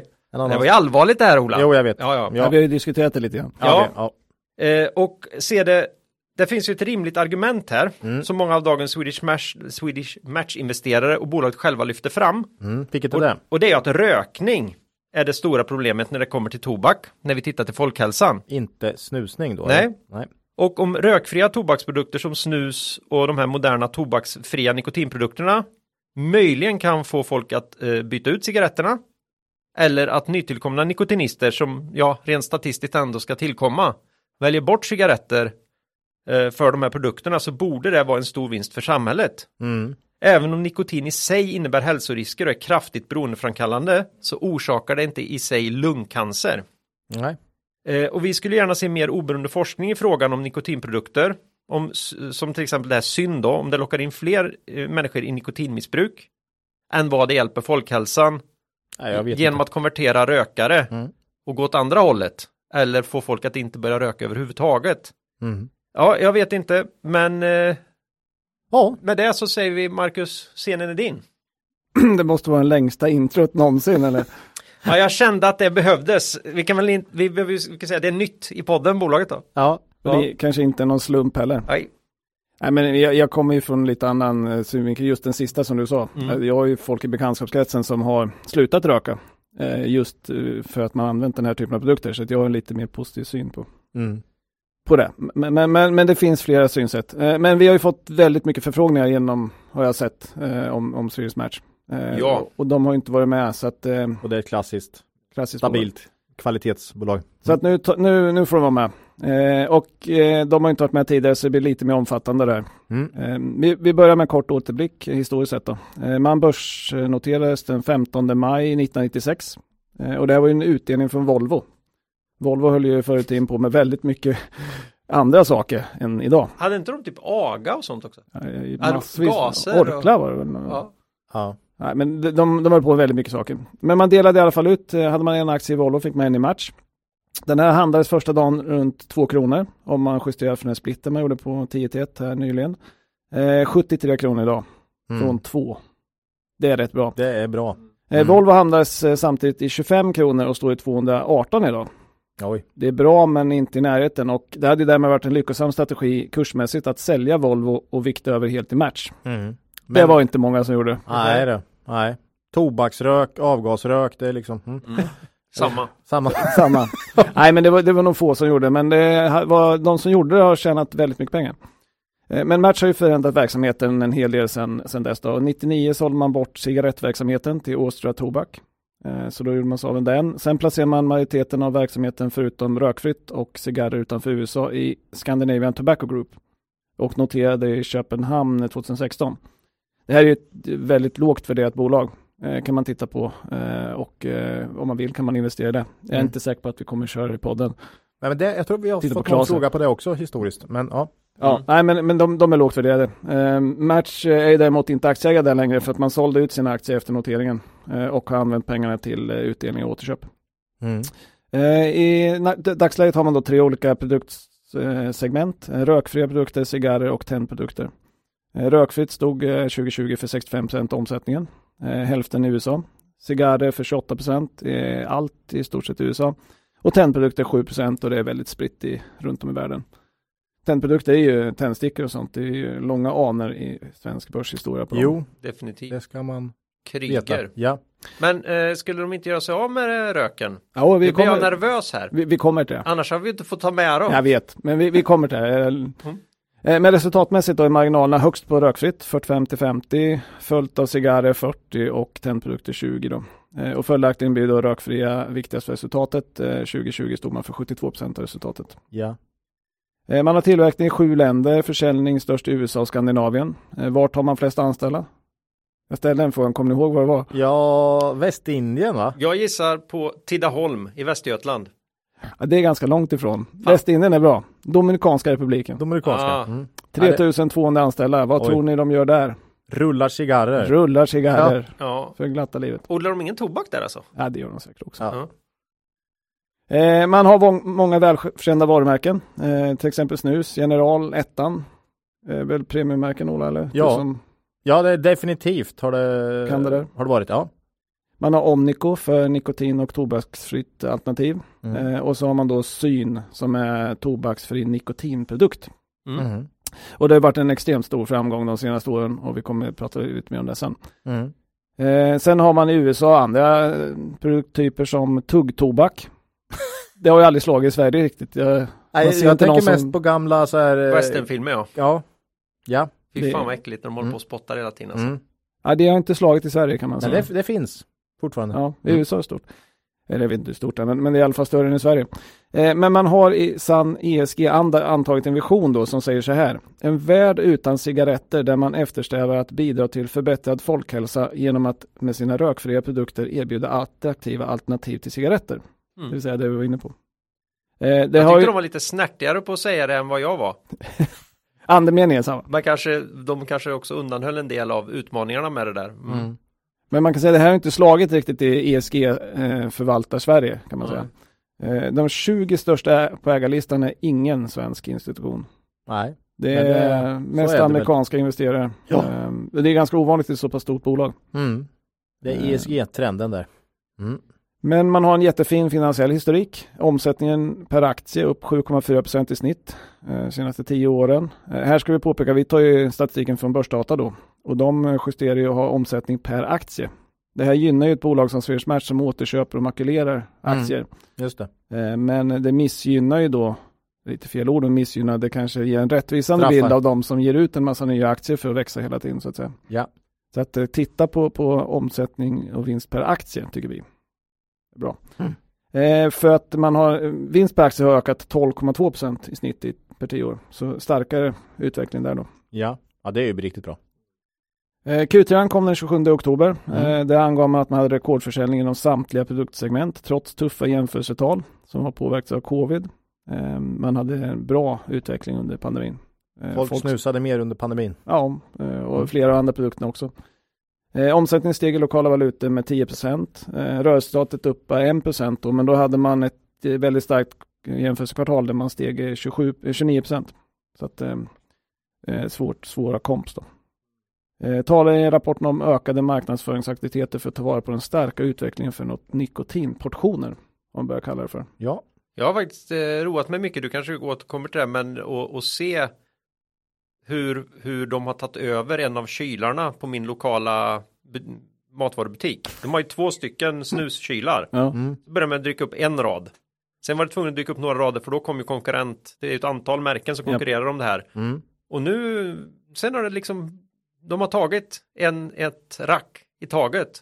Och nu är det hälften hälften. Mhm. Och nu är den ombrandad också, den kylen till en betydligt, den är ju vit, den är ju vit och ljus och fräsch och ser mer ut som att man kränger medicin där. Ja, okej. Och den andra är ju klassisk Svart. Eh, svart snus. Mm.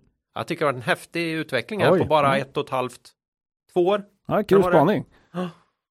Nej, för, för mycket av caset i Match är just eh, de här nikotinportionerna då, det vill säga produkter utan tobak. Eh, denna typ av produkter utgjorde 40% av det rökfria segmentet då, eh, och det är det som växer klart snabbast. Eh, också ett segment som växer starkt bland kvinnor som är väldigt underrepresenterade inom vanligt snus då. Eh, det färgar inte tänderna, luktar inte och så vidare. Så att, Nej. eh, I Sverige är 55% av användarna faktiskt kvinnor av den här typen av produkter. Oj, Mm. mer än hälften. Mm. Det är högt. Eh, sen eh, 22% av rökfria produkterna i Sverige är nikotinpåsar då. Ehm, men det är en utmaning för Match att öka marknadsandelen för att man har hård konkurrens här. Vilket väl vad du, du såg i, i kylen där.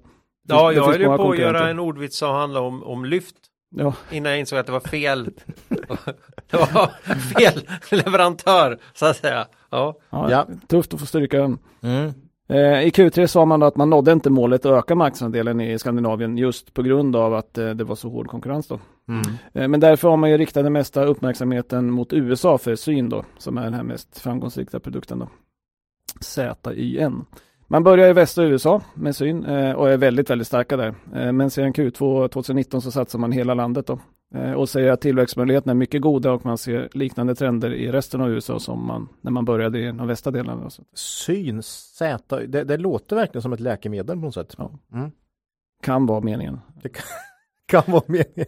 Men man har väldigt höga marknadsandelar då, eh, eftersom man var pionjär här. Mm. Eh, och de här sjunker lite allt eftersom då när konkurrenterna satsar hårt inom den här nischen också. Och lägre pris antar jag. Ja, man måste ju försöka konkurrera Mm. in, eh, Mm. komma in med någonting då. Så att. Men man hade en marknadsandel på 74% förra året i Q3 och nu 64%. Oj. Eh, Men man tappade bara från 65 i Q2 så man kanske har minskat ner sekven- sekventiella tappet då så att Okej. säga. Mm. Eh, Man satsar hårt på marknadsföring och anser att det här biter då. Eh, Och man växer ju jättestarkt även om man tappar lite marknadsandel. Man hade 46 miljoner enheter skepp- skeppades ut i Q3 och 160 miljoner på rullande 12 och det är 50% upp från ett år innan. Så det växer väldigt starkt. Man är uppe i 110 000 försäljningsställen. Och de här sålde också 27% fler enheter per butik då. Så Mm. att eh, det växer bra. Eh, och hur väl man kommer försvara sin starka ställning i USA är ju eh, på den här växande marknaden är ju, kommer avgöra hur det utvecklas på börsen. Det är knäck, knäckfrågan. Knäckfrågan. Mm. Ehm, men sen kommer vi till din Klas här då. Eh, synsvikt kommer ju öka för att på grund av kommande strukturändringar i bolaget då. Eh, den 14, april, eh, 14 september så informerar man om att man kommer spinna av affärsområdet cigarrer då. Eh, det här som USA fokus- fokuserat då. Eh, många hade nog väntat att man skulle sälja det istället och kanske hoppas på det. Eh, och en naturlig eh, köpare hade ju varit STG, eh, Swedish Tobacco Group. Mm. Ehm, men nu har man sagt att man ska dela ut och notera det istället under H2 eh, 2022 då. Eh, Jag tror fortfarande att det kan bli så att det säljs. Eh, Det här med att split, dela upp och dela ut är ju en stor kom och köp mig. Ja. Det, fin, det finns att sälja signal liksom. Så Mm. vi får se. Mm. Jag hoppas nästan att det blir så för att det, det, är det här kommer nog inte- kanske inte få så jättehög värdering. Nej, Eh, standalone. Så det, cigarrer. Nej. får man någon eh, industriell aktör som köper det så skulle det nog vara ganska bra tror jag. Mm. Eh, sen ska man ju dock i och för sig notera det i USA och där har man ju uppenbarligen aktörer som, som är mer villiga att äga den här typen av bolag än i Sverige då. Så att, eh, men, Mm. men vi får se. Eh, men det som blir kvar blir då mycket mer renodlat eh, och eh, en helt, eh, ja, en ganska annorlunda profil mot hur det ser ut innan så att säga. Mm. Ingen rök kvar. Nej, om, man, om man undrar vad de vill så kan man ju gå in och titta på deras hemsida. Det är ganska tydligt. Att eh, det här eh, rökdelen är ingenting man vill trycka på skylta. eller skylta med eller sin historik i den delen utan eh, man pratar gärna om snus och man pratar gärna om de här nya nikotinportionerna. Och, och det är ju bara att kolla deras vision där. Mm. Den handlade ju om alternativ till cigaretter och då var det inte att man skulle gå över till att röka cigarrer då. Nej.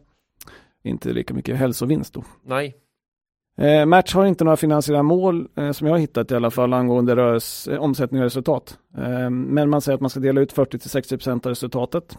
Eh, har historiskt sett legat runt 3% i direktavkastning. Eh, det var högre 2015 till 2017 för man hade lite extra utdelningar efter man sålde aktier i STG. Då.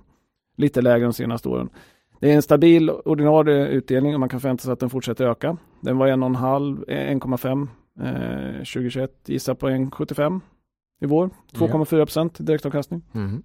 Eh, man har ett mål om att hålla nettoskuldsättningen eh, mot ebitda eh, mindre än 3 och man ligger på 1,7 som en bit ifrån. Sen har man ett intressant mål som är att bibehålla investment grade rating från Standard Poor's och Moody's. Jag vet inte om jag någonsin har sett ett bolag som har det som, som mål. Nej. Eh, ofta, det, det är ett stabilitetsmått då, man ska ha investment grade och ofta har man ett mått för soliditet. Mm. Eh, det är det vanligaste, Mm. men Match drivs ju med negativt eget kapital i koncernen. Mhm. Eh, och då, man kan, då har man ju minus soliditet i koncernen, inte så bra som mål. Eh, det här är väldigt ovanligt på börsen. Det är vanligt i private equity-världen. Eh, det funkar så länge man har ett positivt eget kapital i moderbolaget. Ja. Kanske har läst om sån här kontrollbalansräkning, men det handlar ju om om man har förbrukat halva aktiekapitalet Mm. eh, eh, mot egna kapitalet, men i moderbolaget då så att säga. Så man kan ha det i, i koncernen. Sen har man ju tillgångar som inte är upptagna på värdet också, balansräkning. Man har ett gäng väldigt starka varumärken. Eh, de är inte upptagna av ett värde eftersom man har upparbetat dem själva då. Det är lite intressant, om du köper en match kan du ta upp ett stort värde på varumärket, men de kan inte ta upp ett värde för man har egen upparbetat så att säga. Just det. Men så länge man har starka kassaflöden som Match har så kan man ha det på det sättet. Så det är inte ett skäl tycker jag till att rata aktien, Nej. även om man ska ha lite koll på det. Mm. Eh, sen vill jag slå ett slag för Match fantastiska IR-sida. Mm. Alltså den är extremt mycket information. Finansieringsdelen, där kan man hitta lån med förfallostrukturer över år, räntor och så vidare. Eh, ingående information om aktien, återköp, indragna utdelningar, analytikersammanställningar med prognoser, jätteomfattande presentationer av bolaget, och till och med transcripts från alla dragningar på rapportkonferenser. Mm. MVG, andra bolag se och lär säger jag. Snyggt. Eh, det kanske finns något annat bolag som är lika bra, men det är inte många i alla fall i Sverige, det kan jag säga. Bra. Swedish Match. Swedish Match. Mm. Eh, utöver utdelning då som återföring så, så använder man sig av återköp. Och det är svårt att prata om match utan att prata återköp. Det här är ju liksom svenskt eh, mästers, mästare i återköp. Ja. Man, man köper regelbundet och makulerar stora mängder aktier. Eh, sen introduktionen 96 då har man genomfört 23 stycken makuleringar eh, eller inlösen av aktier, vilket i princip är varje år då. Mm. Eh, nitt, eh, 1996 då när man introducerades hade man 4,6 miljarder aktier, justerat då från den här splitten. Och nu har man 1,5 miljarder, Oj. ner 67 procent. Ja. Det får enormt stor effekt på vinst per aktie när man eh, gör Ja. på det här sättet. Ja. Eh, Match har ju då som vi påtalade tidigare gått extremt bra också. Eh, upp eh, 3500 procent x utdelningar. Mm. Och det här beror ju till stor del på att man har stabila kassaflöden, man kan göra återköp, vinst per aktie ökar hela tiden. Mm. Eh, framåt då. Eh, Match är enligt hemsidan ett bolag som följs av 16 analytiker. Det här är lite intressant för vi har ju pratat om det någon gång, men, men den 16 analytikern, Vad tillför? vilket värde kan han möjligtvis tillföra i Eller förhållande hon. till, eller hon, till, ja, men i förhållande till de andra 15 liksom. Mm. Det, det, det kan inte vara lätt. Nej. Ehm, och, och vi känner ju inte att vi kan tillföra särskilt mycket i en sån situation. Nej, det blir ju så. Det... Nej, svårt. Snarare en allmän börsnedgång där alla bara säljer. Då Kanske Ja. man kan hitta något.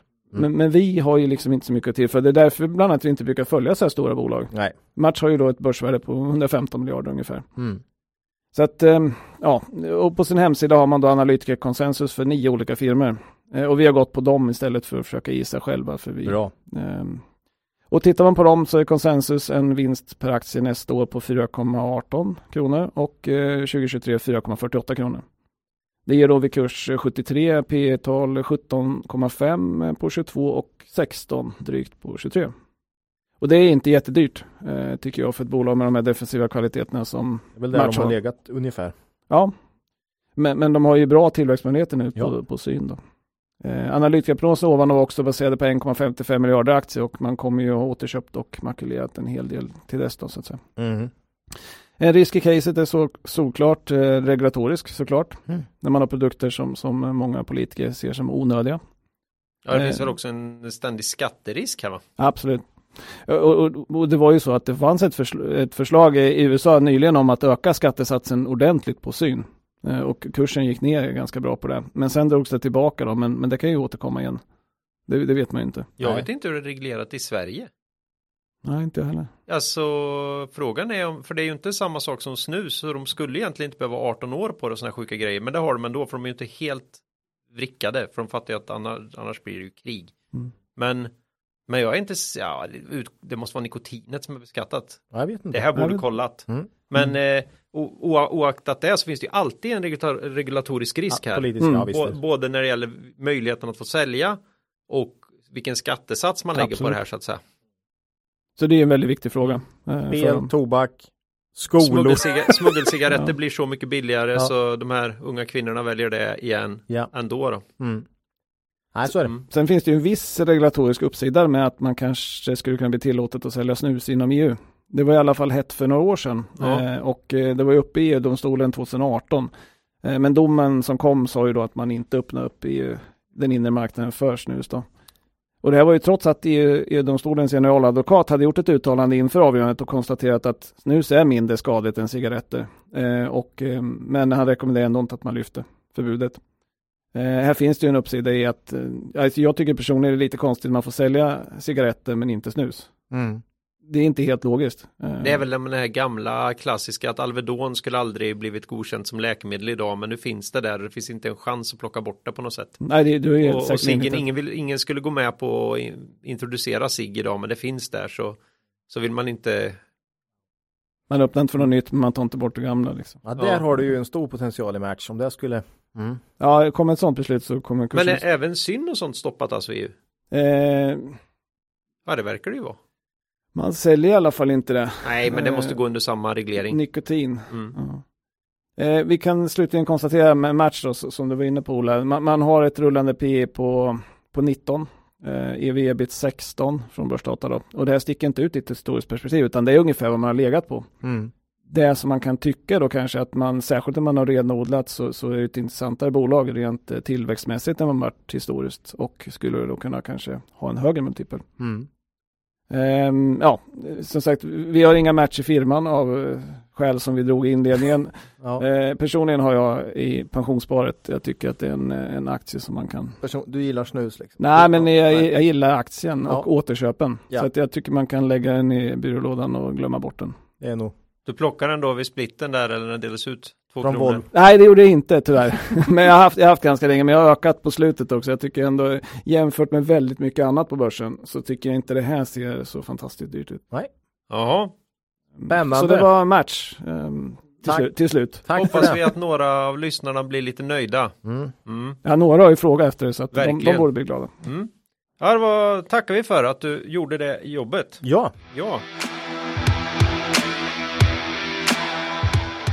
Eh, tiden tickar iväg här. mm. Vi ska ta en eh, snabb lyssnarfråga. Eh, lite återkopplingar vi har fått ifrån vårt eh, specialavsnitt där, 108. Mm. Eh, så vi hugger av dem direkt här då. Två stycken var det va? Två stycken. Första här tog vi som texten kom in. Jag lyssnade in senaste avsnittet där ni lyfte fram att ni vill ha 30 till 40 procent i säkerhetsmarginal i era köp. Men jag analyserar flertalet av era bolag som ni har köpt såsom TCM Group, Ja. Scanfilm med fler.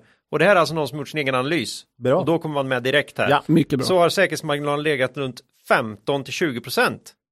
Mm. Eller brukar ni skruva på denna siffra i dessa tider då allt är så uppskruvat? Här kommer man åt oss lite. Både ja och nej får jag väl säga. Mm, det är en bra Eh, fråga. Ja, bra. jättebra fråga. Eh, nej men 20 procent det är en, en nedre gräns även för oss så att Mm. säga. Eh, lägre än så går vi aldrig och det var det även i de här bolagen vid investeringstillfället och alla investerare kan ju få lite olika Svar. eh, svar här baserat på vad man tror om vinsten kommande 12 månader och motiverat PE och sådär. Eh, men, men historiskt har vi ju krävts högre skulle jag säga. Där har vi nog legat upp på 30 minst. Eh, så vi har också som hans, eller hon, nej var han va? Han. Eh, alltså vi har nog också faktiskt skruvat lite, Tummat lite. tummat lite just Mm. för att nej men det har varit sådana börstider som man liksom man har ju inte kunnat äga någonting annars så att då, då tycker man nej men det är ändå bättre med 22% margin of safety än inget i portföljen alls va även om det är såklart det är lätt att ha fel det här är ingen, sä- ingen eh, exakt verksamhet så att eh, vi kräver ju ofta 30% mos för att just kunna ha fel. Mm. Eh, eh, men nej, vi har, väl- ja, vi hade 20 i alla fall Mm. eh, när vi räknade på de här casen och dessutom ja, vi har skruvat och justerat ner lite grann i de här mycket eh, jobb- tycker ju jobbiga börstiderna. man, vi tycker att man ska ha 30 till 40 procent. Ja, 30% är väl en sån här bra Mm. gräns att ja, för du kommer ha fel ibland och har du då en säkerhetsmarginal så har du råd att ha lite fel Mm. faktiskt. Ja, Ja, roligare än så var det inte. nej, Nej, men det var en bra fråga. Mm, mycket bra, mycket och Eh, bra kollat och räknat. mm. Eh, En annan då eh, kan vi eh, förkorta till det här klassiska. Vi, vi tittar inte jättemycket på balansräkningen men vi brukar alltid titta på nettoskuld genom ebitda. Mm. Historiskt sa vi att vi ville att den skulle vara under 3. Mm. Eh, och eh, Det sen så vi var vi... tidigt i podden ja. Mm. Mm. Sen så har Hände det vi... något här? Ja, tyckte vi att ja, under 4 kan vara okej. Ja. Ja. Och, Är, är det också för att eh, kunna få in fler Ja. bolag här? i- Nej, och, Nej. och det är ju så här att det som hände var ju att IFRS-reglerna kom, nya, där hyror och leasingavtal hamnar som en skuld i Mm. bolaget plötsligt. Ja. Och för mig är det 16 va? Ja. Ja. Och vi tycker ju inte H&M's verksamhet är annorlunda eh, nu. Eh, även om alla deras butiker på något sätt Butikshyror butikshyror plötsligt. hamnar som en skuld då. Så då, vi, för att liksom känna att vi inte ska screena bort massa bolag som vi tycker är okej så har vi höjt gränsen till fyra när vi screenar och sen så får man ju kolla från fall till fall om den ligger där någonstans och se är det här leasing eller är det inte leasing. Mm. Så det är väl där vi har hamnat kan Och, man hur- säga. och hur ser den riktiga nettoskuld, rensade nettoskuld genom ebitda ut? Ja. Och då vill vi väldigt gärna vara under 3. Då vill vi ja. Så det är mer en screeningfråga kan man Ja, det är mer en screeningfråga. Eh, så, så där har vi höjt till fyra just för att inte tappa några sådana eh, butiksbolag till exempel. Mm. Ja, Också en vettig fråga ändå. bra fråga. Mycket bra fråga. Mm. Ja, eh, vi närmar oss slutet. Ja. Eh, nästa avsnitt är 110, kommer ut den 3 februari. Mm. Det är ett ordinarie, ordinarie avsnitt. Några rapporter från de första försiktiga rännilarna i, som förebådar den här kraftiga rapportfloden ja. som komma skall. Och vem vet, kanske det kan bli ytterligare ett nytt bolag. Säkert om vi får in eh, många nya följare på Twitter. Mm. Nej, det är ingen utpressning här utan det kommer nog förmodligen bli ett nytt bolag om det bara hinns med alldeles oavsett. Eh, man kan mejla oss på kontaktet kvalitetsaktiepodden.se. Eh, sen avsnitt 100 så tror jag vi har svarat på alla mejl. Har vi, är det någon som upplever att de har mejlat till oss och inte fått svar under de senaste månaderna eller sen Marcus dök upp i podden så skicka gärna igen för då är det nog någonting som har gått snett faktiskt. Ja. hoppas vi på. Mm. Eh, Man kan kommentera på Twitter naturligtvis eller på vår hemsida kvalitetsaktiepodden.se. Då har vi den här viktiga frågan. Har vi någon riktig makro eller TA värt att ta upp idag? Ola? Eh, nej, eh, det har vi inte. Det har inte det? Nej. Men Macke vet du. Nej, har in- något. Inte, Han- inte makro, det vågar jag inte än och inte Tea heller. Ja. Men, men eh, däremot så, jag läste ju den här eh, boken 120 år av misstag och felbeslut. Mm. Som vi fick från Affärsvärlden eh, på det här eh, eventet som jag var på. Och där tog jag med mig ett litet utdrag från boken. Som jag tänkte eh, se om ni kan sätta. Det här säger då eh, så här. Men, eh, men den spekulerande allmänheten frågar efter rim och ranson. 75 procent av den senaste tiden, tidens aktieköpare har säkerligen aldrig orkat läsa igenom en av bolagets årsberättelser och 90 procent därav torde ej ha begripit vad den innebe, innehållit. Ganska kärnfullt där beskrivning av spekulation. Mm. Och då kommer frågan, när var det här? Ja, jag vill ju säga 1999.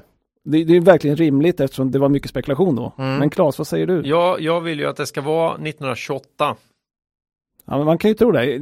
Som, som ni märker så har ju de inte fått facit här för jag höll på det. Nej, men det här är 1912. Oh, ännu tidigare! 1912. Det är då 1912 års spekulationshås. Den fram- har jag inte ens hört talas om tror Nej, jag. den är inte så känd så det är därför man ska läsa boken. Ja. Eh, nej, men det var framförallt aktien Gränges som spekulerades i då. Och den stod för 31% av börsvärdet på Stockholmsbörsen 1912. Fanken det här är ju Körde de aluminium redan på den tiden? Nej, Det de körde all det var gruvor och det var Ja, liksom, men, ja. men det var total hås i Gränges alltså. Så att Ja, Det- det- fantastiskt. det är kul i boken för man får en historieinblick liksom i olika perioder. Så att, Det är ju så länge sedan så då var det väl första varvet man körde elbilar. Du vet, de kanske var inne, de kanske var inne på den. Men, men det är intressant att man klagar då på att det, det kommer in en massa spekulerande allmänhet som inte läser rapporter och inte förstår rapporterna. Ja. Snacka om att allt går igen. Ja, nej, Ja, helt herregud. otroligt. Mm. Att, Ja. eh, Det var lite kul. Ja, det var kul. Du har hittat något vi inte kunde pinpointa alls då. Det var inte jättelätt att sätta 1912. Ja, ja, det var roligt. Riktigt roligt. Mm. Ja, eh, ja eh, ägande. Mm. Eh, ja, vi pratade ju, inget av bolagen vi gick igenom lite mer eh, Ja, no- vi hade lite... Vi hade, noggrant här idag, men eh, i början så pratade vi om lite bolag, då pratade vi om TCM bland annat. har vi, Vi pratade om Ogunsen. Och, ja, Så det är de två. Och eh, Catella. och Catella, ja förlåt. Mm. Det är de tre vi har i bolaget här. Eh, och jag har inget annat privat heller. och privat så hade jag både Academedia och Railcare och, Och, och jag bara Swedish Match. Så att du hade mer i pensionsportföljen i den här gången. Mm. Mm. Och det där är småslattar i mitt fall, ska man veta. Mm. Ja, Spännande. Jag ska också be att få korrigera här. Eh, det var ju Federer som hade över 100 titlar. Djokovic ligger på 86 Ja, och just Ola. 109 titlar är eh, den, den som har mest titlar någonsin. Jimmy Connors. Det var, det, det var den siffran jag kom ihåg. Ja. Mm. Har- fanns det. Du, du räddar dig där då. Ja, Då får vi se om Novax får spela någon mer turnering. ja, det blir inte mycket mer titlar för, för Novaks. Nej. Fy. Ja, Ja, så vad är det. hemskt. Men då vet ni det. 86 titlar har Jovak eh, Nokovic. Det har jag alltid undrat. Ja. Ja, så är det. Ja. Ja. men innan vi skiljs åt då så vill vi påminna våra lyssnare om att gå in på Cavaliers hemsida, cavalier.se och läsa på om deras fina erbjudanden. Man ska komma ihåg att historisk avkastning i fonder inte behöver vara en indikator på framtida avkastning och att ni kan förlora delar av ert satsade kapital då fonder kan både gå upp och ner i värde. Om vi har nya lyssnare av podden eh, som undrar mer om eh, vår investeringsfilosofi och liknande kan gå igenom den i avsnitt 108. Mm. Tänkte jag skulle tipsa lite grann om det så här i slutet en stund framöver här. Kanon. Eh, Så det ska man inte missa om man har missat det. Men eh, nu säger vi hej då för den här gången och ber er komma ihåg att Det är först när tidvattnet drar sig tillbaka så ni får se vem som badat naken. Lose money for the firm and I will be understanding. Lose a shred of reputation for the firm and I will be ruthless. I welcome your questions.